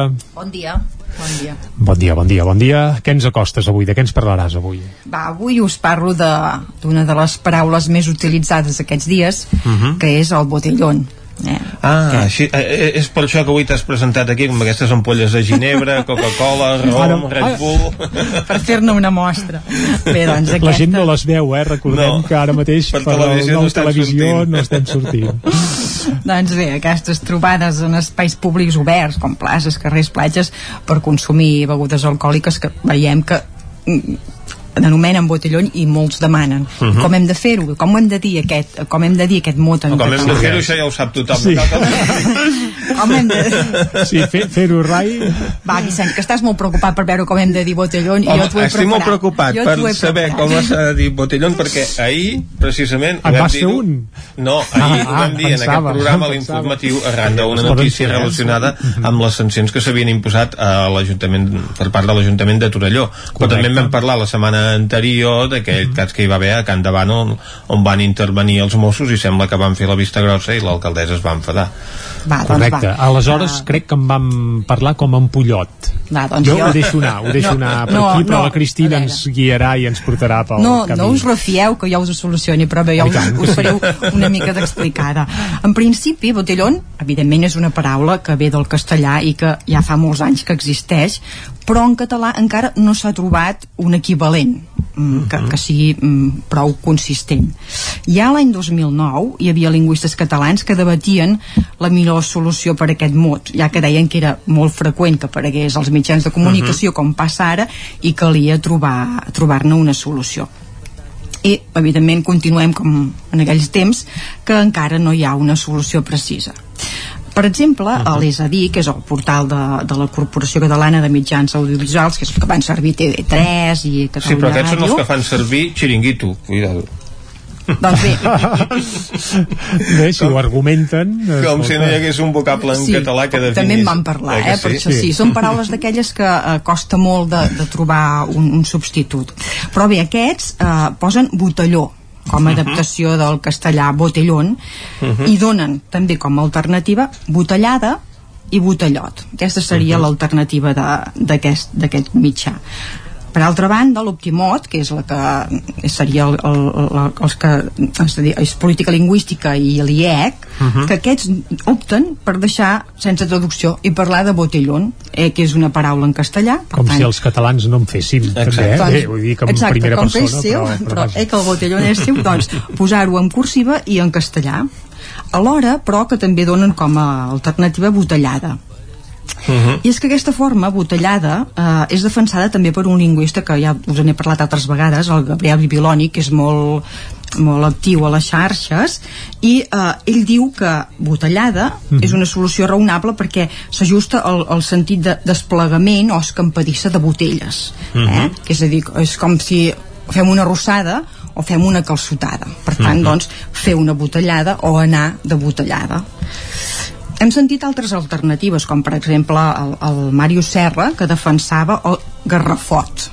Uh Això de Garrafa és bastant genuí, també, eh? Doncs ell defensava aquesta, o també Vilaweb parlava d'entrompada com una possible solució, Mhm. o també s'havia sentit a RAC1 a ampollada. Eh? Això a mi em, vaja, em porta a altres referents i altres històries, doncs eh? bé, Però perquè, vaja. eh, perquè veieu que, que aquí hi ha moltes opcions i per tant eh, trobo bona doncs, la posició que defensa Bibiloni i que també justifica l'Optimot que diuen que sí, en català no existeix encara un equivalent que expressi el mateix significat que botellón i necessitem fer servir aquest mot en un text en català es pot mantenir la forma castellana botellón Mhm. i ficar-la en cursiva Però bé, hauríem de fer una mica de pedagogia i intentar, no sé, des de Territori 17, Clar. va, n'inventem un Bé, i doncs. el prediquem sempre i que s'escampi i potser d'aquí un any o dos s'ha estès tant que ja, ja S'acaba és normatiu, ja s'acaba imposant, no? jo penso que, que la, aquesta botellada que com fer una calçotada doncs fer una botellada jo és potser la que m'hi més bé. aproparia Mhm. més Mhm. però bé, que quedi clar que això no està mm, ben solventat de moment encara eh? I el botellot no, eh? Jo perquè botell- amb aquest sufix No, despectiu perquè- hi, ha, hi ha una exacte, mica eh, dona- connota que Sí, és senyor. una activitat, diguem, Sí, no ben rebuda. Sí senyor, i jo crec que aquí tampoc no és això, no? Mhm. No seria això. Per tant, o vosaltres continueu dient botellón, o si voleu... eh, Botellada. Botellada. Botellada Seria- queda bé, eh? Botifarrada, botellada, costellada, Fa català, arrossada... eh? És Fa- bastant fa- genuí, fa sona bé, sona bé. Bé, doncs, a, a part d'això també us volia, us he de portar la dita d'aquesta setmana Mhm. eh? i uh, us he portat aquest d'anar borratxo com una cuba eh? encara que no us soni Mhm. bé aquest borratxo, pensem que en català borratxo és una paraula que surt al diccionari per tant és normativa també podem dir-ne ebri o begut el que sí que no està bé és la cuba eh? cuba eh, és el que aquells camions que porten eh, un dipòsit Líquids. de líquids que són cisternes per tant eh, aquesta dita no la Mhm. podríem fer servir però n'hi ha un munt que fan referència a aquest anar borratxo com una cuba per exemple, anar gat anar tort com un cep portar una merla anar piripi portar una mona portar-ne més al cap que els peus anar trompa, anar bufat etc etc etc. Hi ha moltes, eh? Per Ah, tant, M'ha fet gràcia la merla perquè normalment hi ha una altra que és merda eh, Ui, ui, que l'has volgut evitar eh? ah, és Bé, molt políticament correcta la doncs, Cristina eh, aquí us deixo tot el que podeu fer servir. Tot relacionat amb, amb, amb aquest Amb món tot de- això que ens has portat avui Exacte. molt bé, Cristina, anem per la cançó? Vinga. doncs va, uh, ni la presentem ni diem res, segur que des de casa molts ja la coneixeu, avui la cançó que ens acosta la Cristina, a la qual hem de parar bé l'orella, és aquesta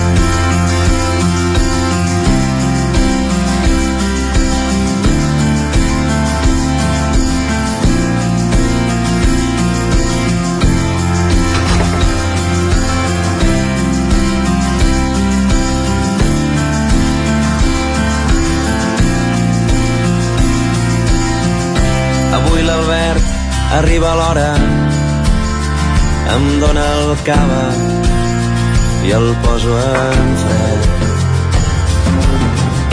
I arriben l'Hèctor i la Clara, porten la nena dormida en el cotxet. I obro la porta la Judit. Avui ben sola m'encanta el teu vestit. Va arribant tota la colla. Quan sona a taula trec el sopar. Un menjar exquisit vull provar aquest vi. Qui vol cafè hi ha gin tònics també. I juguem al joc d'aquelles nits d'estiu. No parleu tan fort que la nena dorm.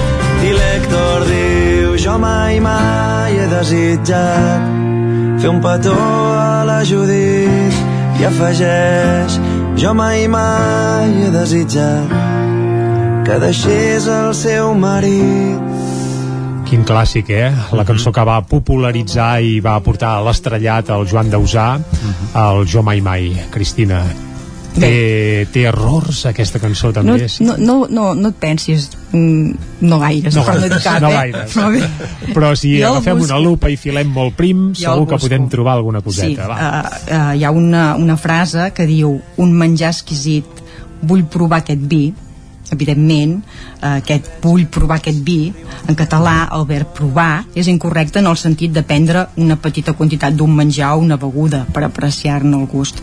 En aquest context, doncs, l'hem de substituir per tastar. Exacte. I a més hi quedaria bé, a més a més, eh? Dues Sí, sí. síl·labes, és a dir, que a vegades allò que dèiem, També que alguna cançó ens permetem llicències perquè, clar, Sí. sí. només hi cap una síl·laba, si n'hi calcem tres no s'hi val, aquí eh, Podria- la cançó podria- colaria de sobres. Igual, doncs, per tant seria vull tastar aquest vi. Doncs esperem, esperem que en Joan ens escolti i, i ho canviï, que no, no passaria res aquí, eh? Mhm. Molt bé, una. Tastar el vi no seria fer botellada. És un tast. Oh, home, un tastet. Ara està molt de moda també, eh, això dels tastets de vins. Mm, algun dia en podríem parlar també, Cristina. Sí, doncs Tastets, sí, sí. cates... Eh... Això és el que no podem dir. Sí, Eh sí. que no? Doncs també, bé, alguna hora també ho podem portar. Va. Bé, per acabar, si tinc temps, Jordi, Sí, tant, em deixes explicar, ja que hem parlat tant del veure i, i això, mm, una curiositat perquè Mhm. eh, hem de distingir entre veure en B alta i veure en B baixa hi ha un truc molt fàcil i que ara em feia gràcia explicar-vos perquè l'altre dia el vaig sentir és quan hem d'escriure B alta eh, en B alta o en B baixa Mhm. quan hem d'escriure veure en B baixa el que podem fer és ficar els dos, els dos dits així a l'ull eh, un a cada ull i veurem que fa la forma no es veu, eh, però fa- la forma de no es veu perquè no estem sortint no per televisió no, però bé, però, eh, tot i que la quan pàgina web del, del noutv.cat efectivament doncs bé, ens poden quan veure posem els dits així Mhm. és B baixa, per tant quan ens, ref, ens referim al veure de, de vista Mhm. sabrem que va en B baixa Mhm. en canvi quan és el veure de veure podem posar el puny eh, tancat amb el dit pols, amb el dit gran Mhm. així aixecat com si féssim d'acord o ok, Mhm. veureu que fa com una B alta i per tant el veure de veure de, de, de veure, eh, de vi doncs serà en B alta. Aquest és un truc que, si tenim dubtes si ho hem d'escriure en B alta o en B baixa, ens pot servir per solucionar-lo. Uh, avui ens has resolt molts dubtes, eh? I ens quedem, jo em quedo això, bàsicament amb la botellada. Uh, procurarem Doncs va. estendre Posar-la la brama pràctica. i posar-la en pràctica i aviam si d'aquí un parell o tres d'anys ja, escolta, és normatiu i l'inclouen als diccionaris i tot. Vinga. Això passa amb algunes paraules, Sí, no? sí, sí, és, és l'ús, sobretot l'ús que en fem de les paraules que, que poden arribar a ser normatives, sí, sí. Doncs, Cristina, moltes gràcies. Vinga, vosaltres. T'esperem d'aquí 15 dies ajudant-nos a parlar millor el català, com fas sempre. I ara, Vicenç, una mica de jo mai mai, no? Ah, exacte, acabem amb en Joan Dausà i sobretot compte amb els Mossos si posem massa en pràctica això de la botellada. també, també. Bé, i amb els accessos sempre en compte, eh? Eh, Per tant, prudència, prudència. Vinga, jo mai mai, una breu pausa i tornem a dos quarts en punt de 12 anant a la R3 aquí, a Territori 17. Fins ara mateix. petó a la Judit i afegeix jo mai mai he desitjat que deixés el seu marit tothom em mira i ningú veu.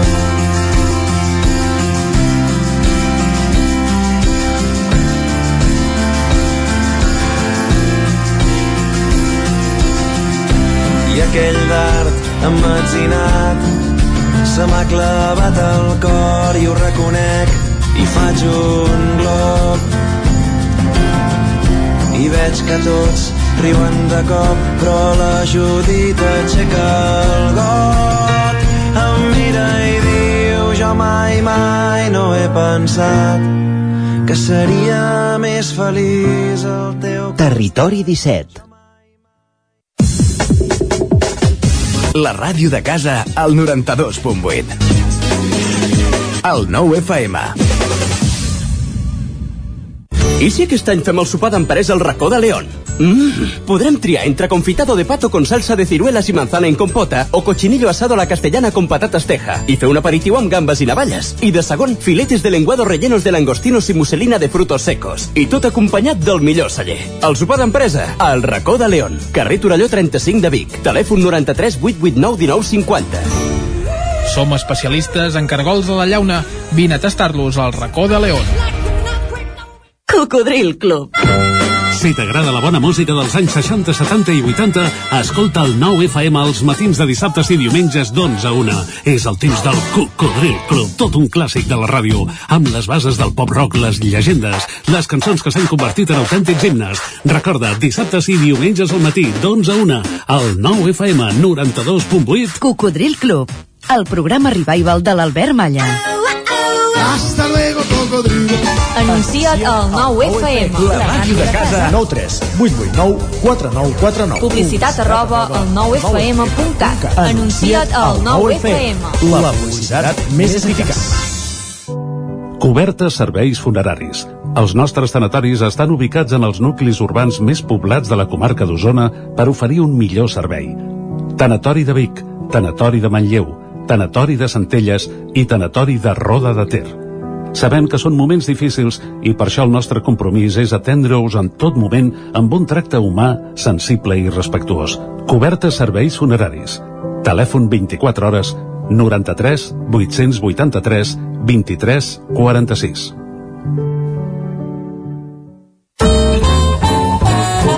Et costa l'escola? Vine al Magí. T'oferim atenció personalitzada en grups reduïts per descobrir i superar els obstacles per aprendre.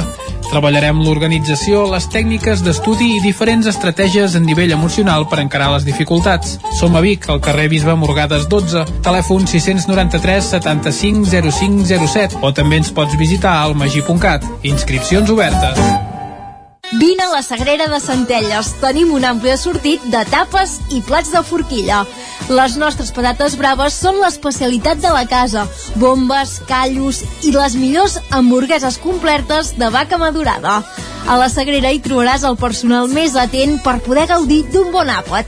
També som a Instagram amb l'usuari La Sagrera Centelles. La ràdio de casa al 92.8. El 9 FM.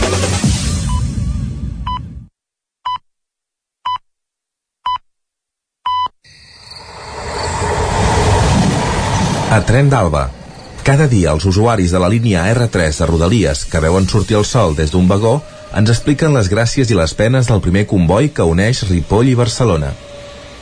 Benvinguts a Tren d'Alba. Doncs avui deixaré que la Núria ens parli una mica més de la zona de Barcelona on treballa, que sens dubte és un espai molt desconegut de la capital i sempre està bé conèixer aquests indrets. Bon dia des de l'R3. Avui el tren ha arribat 6 minuts tard a Torre Baró i res, avui he estat treballant tot el trajecte, per tant el que us explicaré avui és una mica més del territori on vaig a treballar cada dia. Vosaltres coneixeu el que s'anomena zona nord de Barcelona? Són els barris de Torre Baró, Ciutat Meridiana i Vallbona. Són la perifèria de la perifèria. Són barris en què si no t'hi fan anar a treballar, rarament hi poses els peus. Però són barris que també s'haurien de conèixer perquè estan molt invisibilitzats. Cada dia hi poden haver dos i tres desnonaments. La gent està molt precaritzada i normalment quan la gent poden tenir alguna feina estable, alguna possibilitat de progressar, desapareixen del barri. És un barri, això, amb població molt, amb un percentatge molt alt de població migrada i que tenen moltes necessitats necessitats i necessiten molt de suport. Tot i així no vol dir que no sigui un barri lluitador, amb ganes de moure coses, d'espavilar-se i de sortir endavant.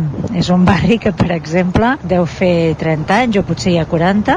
El bus no hi arribava perquè deien que sobretot la part de Torrebaró és molt costeruda i que el bus no podia pujar. Fins que un dia un grup de veïns van decidir demostrar a la TMB, els que porten el transport metropolità, que sí que podia pujar el bus i entre tots van agafar un bus públic i el van conduir fins a dalt de tot i van demostrar que realment el bus podia pujar. Per tant, des de llavors hi ha servei de bus a Barcelona en aquesta part de la perifèria de la perifèria. I aquí és on vinc a treballar cada dia. Bé, us convido a conèixer, tenen una biblioteca fantàstica i estupenda, a uns edificis que arquitectònicament, sobretot a la plaça Eucaliptus, poden ser interessants d'estudiar. Més amunt ja són d'autoconstrucció i llavors també pot ser interessant però per altres motius. Però bé, en tot cas us convido a visitar-ho en algun moment per tenir curiositat i per conèixer més espais de Barcelona totalment desconeguts. Apa, bon dia, la Núria des de l'R3, avui amb 5 minuts de retard. Que vagi bé, adeu-siau. Ja ho veieu amb els habitants de Torre Baró. El primer servei de bus que va arribar a aquesta zona va ser gràcies als propis habitants del barri, que van agafar l'autobús per demostrar que sí que podia arribar-hi. Només faltaria que la pobra gent d'aquella zona no pogués gaudir d'aquest servei. Va, ens retrobem demà i recordeu que ja portem un retard acumulat de 2 hores i 7 minuts des de l'inici d'aquest mes de setembre. Territori 17 El racó de pensar, a Territori 17. Doncs vinga, Vicenç, arriba el moment del racó de pensar després de passar per la R3 uh, i per tant arriba el moment de saludar la Maria López, oi? Ah, això mateix, saludem a la Maria que ens té per una nova edició del racó de pensar d'aquest dijous. Doncs vinga, Maria, molt bon dia. Bon dia. Bon dia des de Cardedeu. Avui, Bon dia, coses bon dia. de l'època en què vivim, em toca tornar a fer la tertúlia confinada. Amb la il·lusió amb la que havia tornat jo a l'estudi, m'ha durat poc el Carmel.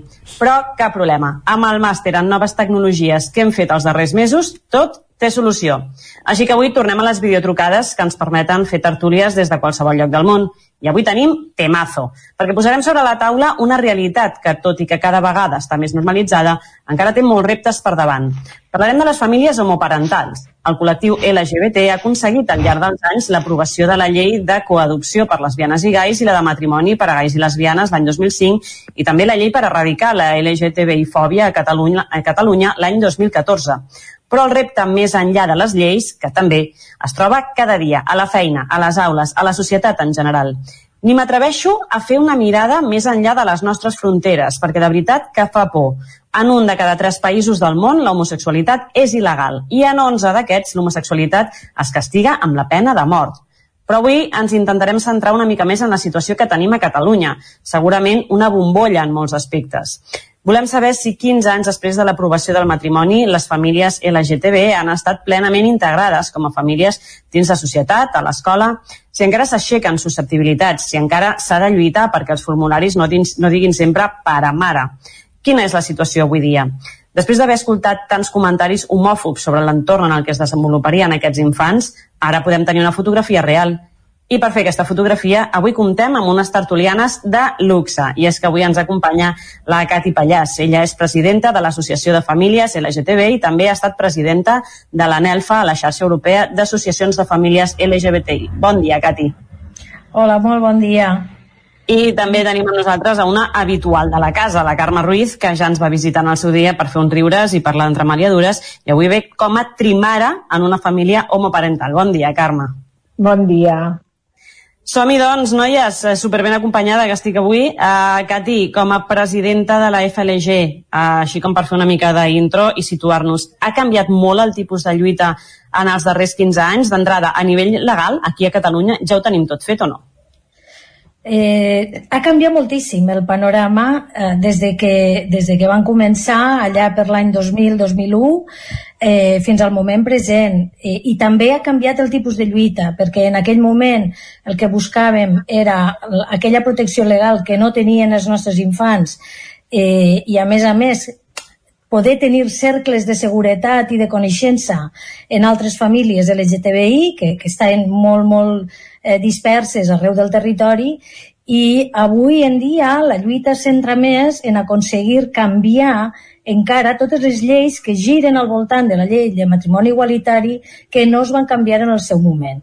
I això ha significat petits entrebancs que, que costa molt que, que se'n faça ressò a la premsa eh, i que encara estan ahí eh, dificultant d'alguna manera la, la, la vida de les famílies LGTBI estem quasi com polint aquelles lleis, llavors, per dir d'alguna manera, no? Sí, això és, sí. A Catalunya, però, si mirem fronteres enllà, tenim una mica una bombolla, no?, en aquest sentit. Sí, res a veure. A, Europa encara queda molt de camí per fer, eh, les lleis són molt desiguals, eh, giren també al voltant de la, de la pròpia estructura legal de, dels diferents països i de la seva idiosincràsia, i això fa que no hi hagi un acord entre països de respectar eh, les lleis de matrimoni igualitari de cada país. Vull dir, en això vull dir que el matrimoni, eh, el matrimoni legal aquí a, a, al territori espanyol no té la mateixa validesa si tu marxes a Itàlia o marxes a Grècia, cosa que no passa de cap de les maneres en el matrimoni eh, heterosexual, no?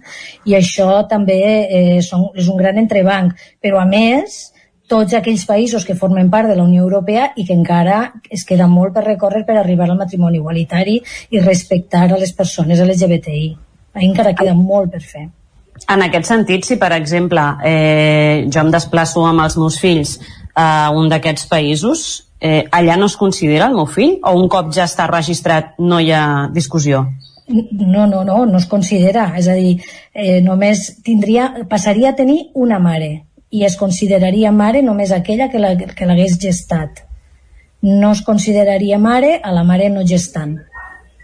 I això vol dir que, que si tu per qüestions de feina has de marxar a un país on no hi ha matrimoni igualitari, el teu fill o la teva filla queda totalment desprotegida i una de les mares o un dels pares queda també totalment desprotegit a nivell legal realment tenim un petit eh, paradís legal, entre cometes, tot i que hi hagi feina per fer, comparat amb, amb el que tenim sí, fora, eh, estem, la veritat és que tenim moltíssima sort. Això pel que fa una mica a nivell legal, però en temes més socials, Carme, la teva filla gran ja va a la uni, eh?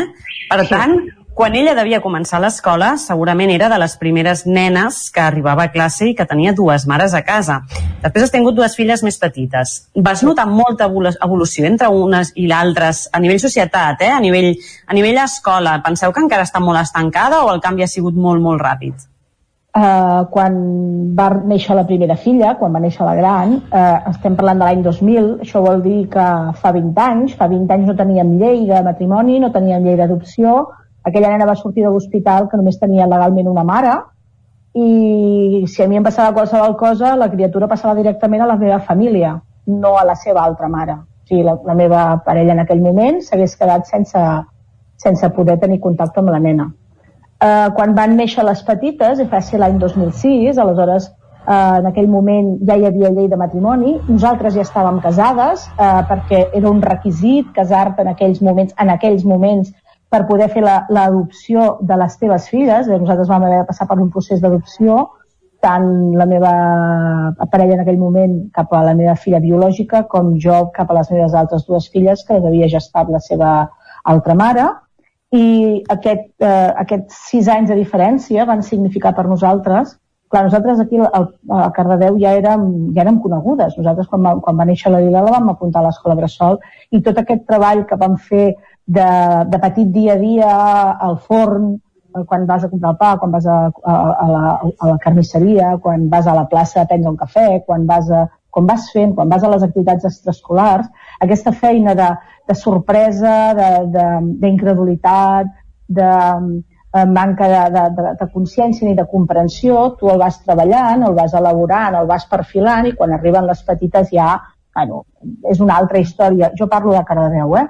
Aleshores, aquestes, les meves tres filles no han tingut mai cap problema a dins de l'escola, és cert, també és cert que nosaltres dues, tant la seva altra mare com jo, hem sigut en aquest aspecte molt activistes, hem estat sempre a peu del canó, ens hem posat al consells escolars, hem estat a, a, a, de, de dret a l'escola, hem estat demanant, demanant, demanant, demanant, proposant, proposant, proposant, recomanant, recomanant, però recomanant fins i tot llibres. Ara FLG eh, fa un pack de llibres, però quan la Lila tenia dos anys nosaltres anàvem a, a Antinous a rascar a veure què trobàvem, eh?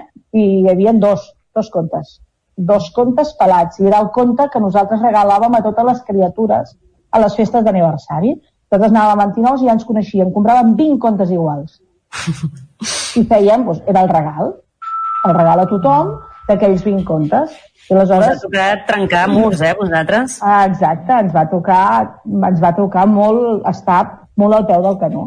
Pica bueno, pedra, pica molta, molta pedra. Molta pedra, no? Jo me'n recordo una vegada que vam anar, crec que al, al forn, i la Lola, pobreta Lola, que era molt gran, ens deia, és que és clar, jo no coneix, no conec a una altra nena així, no? O, o quan a l'escola Bressol mateix, no? Era, era un constant, no? Allò dels els xiu-xiuets, les mirades, no? l'acceptació, el no rebuig, però tampoc la comprensió. Era, un, era una situació una mica complicada, eh?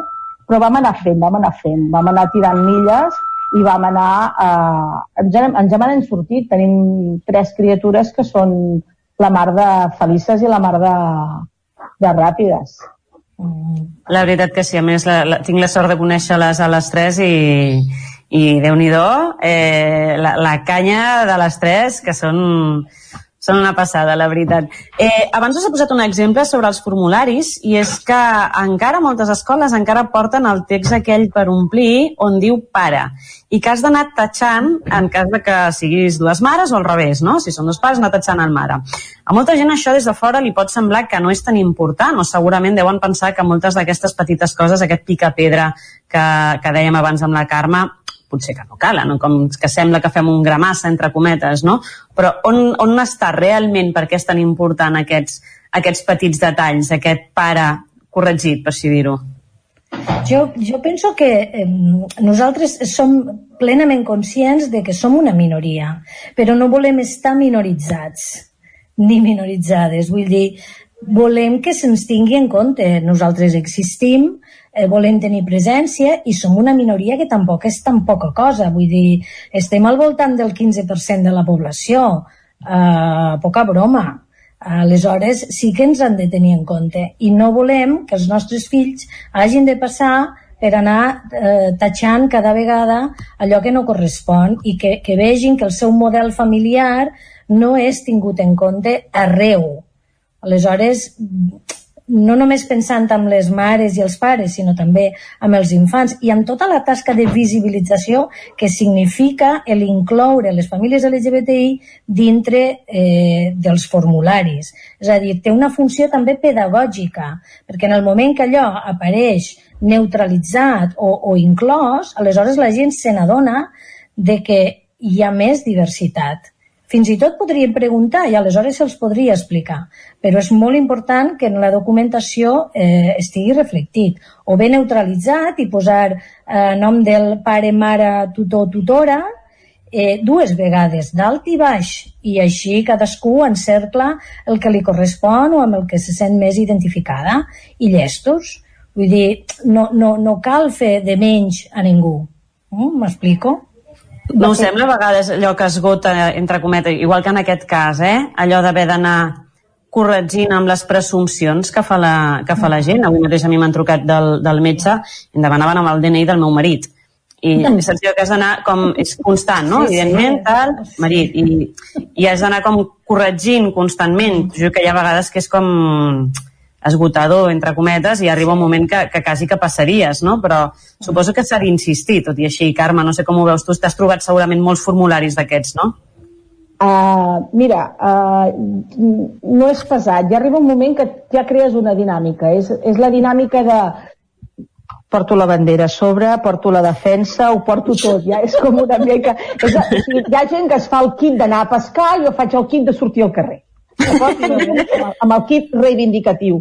Però hi ha una cosa que sí que deia la Cati, que jo, jo vull, eh, que, que vull posar-hi molt esment, no? el fet de eh, si no, si no hi sortim i no se'ns veu, no existim. I quan no existim, ens difuminem.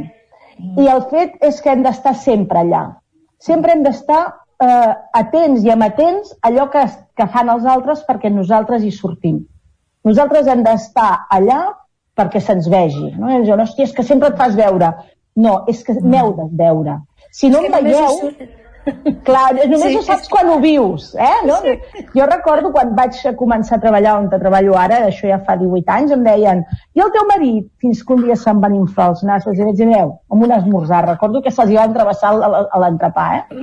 eh? No tinc marit, eh, tinc una companya, tinc una filla, que és filla de les dues, perquè m'he fet una inseminació, he fet aquest circuit, he anat a l'escola Bressol, i he, he tatxat els, el, el, els, el pare-mare i he posat mare-mare, i, i, i vas fent els circuits, no? I arriba un moment que és com, com ara jo sempre dic, jo ara explicaré batalletes, perquè ja estic parlant de l'edat de pedra, no? Però fins i tot, ara, ara en aquests moments, noies joves que em diuen, home, no n'hi ha per tant, i jo els hi dic, mireu, si jo vinc d'aquí, podem tornar allà. Mm, i, si han de tu I si tornem enrere, ho patireu vosaltres perquè jo ja ho he patit. Per tant, jo ja sabré d'on vinc. Però sí, és molt fotut, eh? A mi m'agradaria afegir a lo que diu la Carme, que té tota la raó, és que, a més a més, la, la, la postura que sempre adoptem nosaltres, com a lesbianes o, o, o com a gais, sempre és com eh, mm, volent que ens perdonin la vida, no? Ja prou d'això, vull dir, jo estic aquí, sóc aquí, eh, de ple dret, sóc una ciutadana de ple dret, pago els meus impostos i no pot ser que m'ignoreu. M'explico? Eh, eh, soc i m'heu de respectar i com que existeixo, igual que existeix la diversitat en molts altres àmbits de la, de la vida, doncs mm, hem de ser-hi, però sense por, sense demanar perdó per existir, sense, sense aquest, aquest rum-rum que portem sempre per dintre, no? És, és, eh, mira el gat de la Carme. Vull dir que eh, és important que canviem aquesta actitud. Mm, Jo no, no, a mi no m'ha de perdonar ningú la meva existència.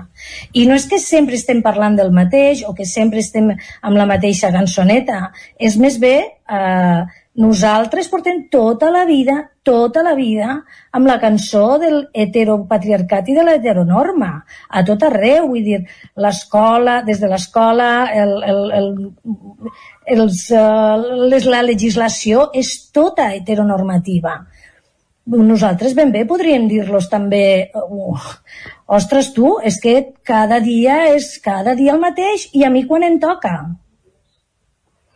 Un dels exemples que deia abans la, la Carme d'aquest petit i anar fent era aquesta compra que feia de llibres eh, amb contes que inclouen doncs, famílies eh, homoparentals dintre de la, de la història, eh, que això actualment des de l'associació CATI doneu la possibilitat d'enviar-los a, la, a les escoles on, on directament es, es fa un pack, si, si no m'equivoco. Eh, fins a quin punt aquestes petites coses, aquests contes, ajuden a la resta de, de companys i el propi alumne que creix en una família homoparental també suposo, no? El, el veure una referència en aquest sentit? Doncs mira, com, com qualsevol altre projecte, els projectes costen molt de construir i de, que, i de que evolucionin i es facin grans. Aquest projecte, que és un projecte molt senzill, que va començar des de ben al principi de l'FLG, eh, que era allò, era un petit de goteig de contes que anaven entrant a les escoles, que dius, això no sé jo, eh, si, si farà, eh, donarà algun resultat finalment. Mira, a hores d'ara estem enviant packs a 70 i pico escoles cada any. Això No, no.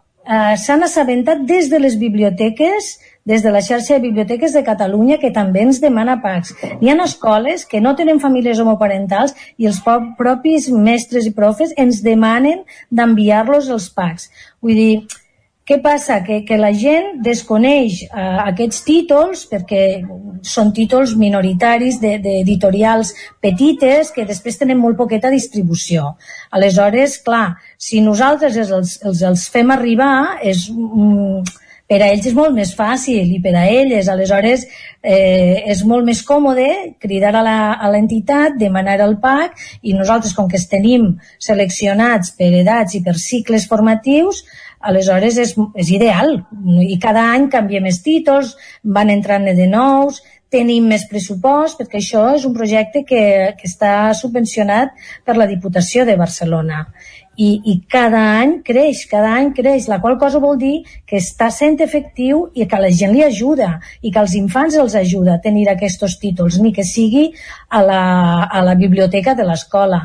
I a més a més el que es demanem a les, a les famílies és que estiguin pendents, que hi hagi una corresponsabilitat entre l'escola, la família i l'FLG i que ens diguin si aquest, aquests contes s'estan utilitzant, de quina manera, si es porten a l'aula, si es llegeixen una, dues o quatre vegades al llarg de l'any o si es donen en préstec, perquè això és el que finalment mm, donarà resultat. I estem supercontentes, eh? perquè de veritat que, que està creixent cada any més. Uh, per quasi anar acabant ja la, la tertúlia, eh, com a mares de família homoparental, eh, com comentàvem abans, han sigut bastant pioneres, eh, també una mica tenint en compte l'edat dels nostres fills, sobretot la Carme, eh, i això fa que en el seu moment, quan érem petits, segurament no tenien referents o tants referents com poden tenir ara. Ara és molt més fàcil que totes coneguem altres famílies homoparentals, que tant en tant ens trobem, però en aquell moment potser no ho era tant. I això feia que els nostres infants i els del seu voltant segurament tinguessin moltes més preguntes. No sé si recordeu algun qüestionament curiós que es fessin els vostres fills o els seus amics i el seu entorn en relació a com veien la seva pròpia família. És que, saps què passa? Que quan les coses eh, damunt de la, sempre estan damunt de la taula, qüestionaments se'n fan, et pregunten, et, et pregunten, per exemple, eh, per què ells no tenen un pare, com en el cas de les meves filles, no? per què elles no tenen un pare, però és que aquesta pregunta la gran me la va fer que tenia dos anys i mig, vull dir, clar, uh -huh. o dos anys. La, la, la, la més petita de totes també tenia dos anys, la del mig, com que ja anava entre mig, jo crec que ja ho va descobrir, no, no va preguntar tant però les dues, tant la gran com la petita, ho van preguntar que tenien dos anys, dos anys i mig, no? Per què no tenien dos pares? Doncs nosaltres els hi expliques doncs, amb, amb, amb, amb el que t'estan demanant, no? No tens dos pares, perquè ten, no tens un pare perquè tens dues mares, no? En el cas d'altres preguntes més complexes, doncs com he arribat jo aquí, eh, que, que, com, com és que eh, la meva família és com és, eh, preguntes, és que en el dia a dia ho van veient. Sí que pregunten, mama, com he arribat jo aquí, no? Pues, era molt petita també, li expliques tot el procés d'inseminació. La gran el va poder veure de les seves, quan, quan el van fer la segona vegada amb les, que després van sortir les dues, van fer un dos per un, no va sortir més barat. Aleshores, um, aquesta realitat que la mamen, la veuen, la palpen, elles són transmissores, no? perquè ho expliquen a la classe, no? quan parlen de, les, de, de la reproducció. No? Elles, jo aquest procés no l'he viscut, jo he viscut un altre, no? o, o quan parlen de famílies. O... I a més a més, el fet el fet de que estigui damunt de la taula, jo insisteixo molt, hem de ser molt clares, hem de ser molt reals, hem de ser molt sinceres, no hem d'amagar-nos res, però des del minut zero, tu tens dues mares, tu tens una família diferent, tu tens una família com les altres, però que tens dues progenitores femenines, senzillament, quan les coses es, es mamen des de la sinceritat, les preguntes es fan més, mm, més, mm, com més senzilles perquè elles ja van veient moltes coses però a més a més això les empodera molt, els dona molt de poder, els dona molta seguretat i, i aquesta seguretat les permet d'alguna manera transmetre aquesta realitat a les, als companys i companyes i els companys i companyes, clar, no sé, com a mínim a nosaltres, ens, ens han vist sempre com, eh, eh, ostres, són les mares de la Lila, no? Jo vull tenir dues mares, jo recordo quan ens vam casar que deien, és que jo també vull que els meus pares es casin quan jo hi sigui, no? O jo també vull dues mares a casa, perquè clar, és que un pare i una mare és un rotllo, no? Tothom té un pare i una mare, no? Són aquestes aquestes anècdotes de quan som petitons, no? tenen 5, 6, 7 anys, no? Però que després, d'alguna manera, bueno, Maria, tu, tu em veus pel poble, Cati, fa moltíssims anys que ens coneixem tu i jo, mm, sabem com és la nostra realitat, no? Vull dir que les nenes són nenes sanes, que tenen un, un empoderament, que som, estan molt segures del que diuen i de la seva realitat i que en, que en cap moment cap d'elles eh, en té cap dubte. Avui a nosaltres no ens ho han qüestionat mai. Fins i tot l'altre dia la gran m'explicava que ho havia expli eh, explicat a una companya de la feina perquè la companya de la feina havia vist aparèixer dues dones a la qual li deia mama. I deia, és que els fills no són ara que anem amb mascarella, és que els fills no són els mateixos, no? I jo tinc dues mares, no? I la noia es va com desquadrar, no? I aquelles respostes de, bueno, jo, jo, jo, jo, jo ho accepto, eh? Jo, jo ho tolero, no? I ell, sí, la, la, aquesta frase que crec que és el pitjor que et poden dir. Sí. Jo ho accepto, que potser no has d'acceptar res, eh? Però... Ah, exacte, no? Aquesta pregunta de que de, de, si els nostres infants ens fan preguntes sobre quin és el seu origen, si tenen pare, no tenen pare, etc té una perspectiva també des d'una visió de, de la família eh, que ha de ser un pare i una mare. Si, si veieu conforme nosaltres ens desenvolupem dintre de la família a casa en el dia a dia, també cal dir que nosaltres no tenim por a aquestes preguntes, perquè lo natural per als nostres infants és tenir la família que tenen. Jo, com a dona, tampoc vaig poder escollir la família que, que, que tinc. Que, vull dir, no vaig poder escollir ni amb un pare ni amb ma mare. Són els que tinc i, i amb ells fins al final. I el, no, els nostres infants de la mateixa manera. Tenen dues mares, no tenen un pare i una mare. Sí que fan preguntes, però ho fan des d'una perspectiva molt naïf, molt, molt despreocupada, diguem-ne. Simplement perquè volen tenir la informació. No n'hi ha un viatge uh, de, ai, mira, que hagués estat millor si hagués tingut un pare. Eh, les coses no són així. Nosaltres criem els nostres infants, i és el que ha dit la Carme, els criem sants, creixen, van a la universitat, tenen un munt d'amics, vull dir, i són nens i nenes perfectament integrats, sense, sense massa diferència al respecte dels fills de les parelles heterosexuals, i això és, crec que és important. Doncs ara sí, amb aquesta música que ens arriba de fons, arribem al final de la tertúlia d'avui. Cati, Carme, moltíssimes gràcies per animar-vos a, a participar, per deixar-vos enredar, perquè sé que, que sempre us... O sigui, us haig de donar gràcies perquè sempre, sempre, sempre us trobo a l'altra banda de telèfon quan us necessitat. Sou un amor, així que moltíssimes gràcies per, per acompanyar-me avui. I jo ja torno, companys de Vic, us torno en relleu. Abans deixeu-me només recordar que dijous vinent tornarem a ser aquí amb una nova tertúlia i un nou tema. Seguirem aprenent i seguirem compartint, donant-nos aquest marge per créixer cada dia una mica més amb un nou racó de pensar.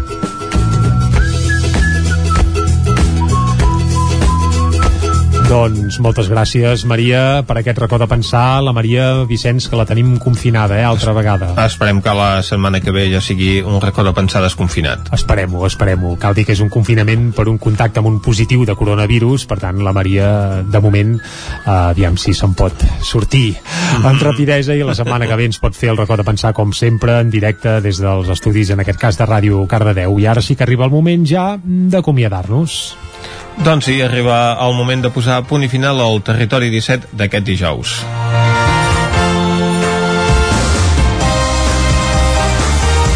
Dijous 1 d'octubre, eh? 3 anys d'aquell 1 d'octubre ja, Vicenç. Una data assenyalada, la d'aquest dijous. El programa d'avui us l'hem fet la Clàudia Dinarès, la Caral Campàs, en David Auladell, l'Isaac Muntades, en Pep Acosta, l'Isaac Moreno, l'Òscar Muñoz, en Guillem Freixa, en Guillem Rico, la Núria Lázaro, la Cristina Enfruns, la Maria López, en Jordi Sunyer i en Vicenç Vigues. Nosaltres tornarem demà, com sempre, des de les 9 del matí i fins a les 12 del migdia. Adeu. A reveure. Ciao. Territori 17, un magazín del nou FM. La veu de Sant Joan, Ona Codinenca i Ràdio Cardedeu amb el suport de la xarxa. El nou FM.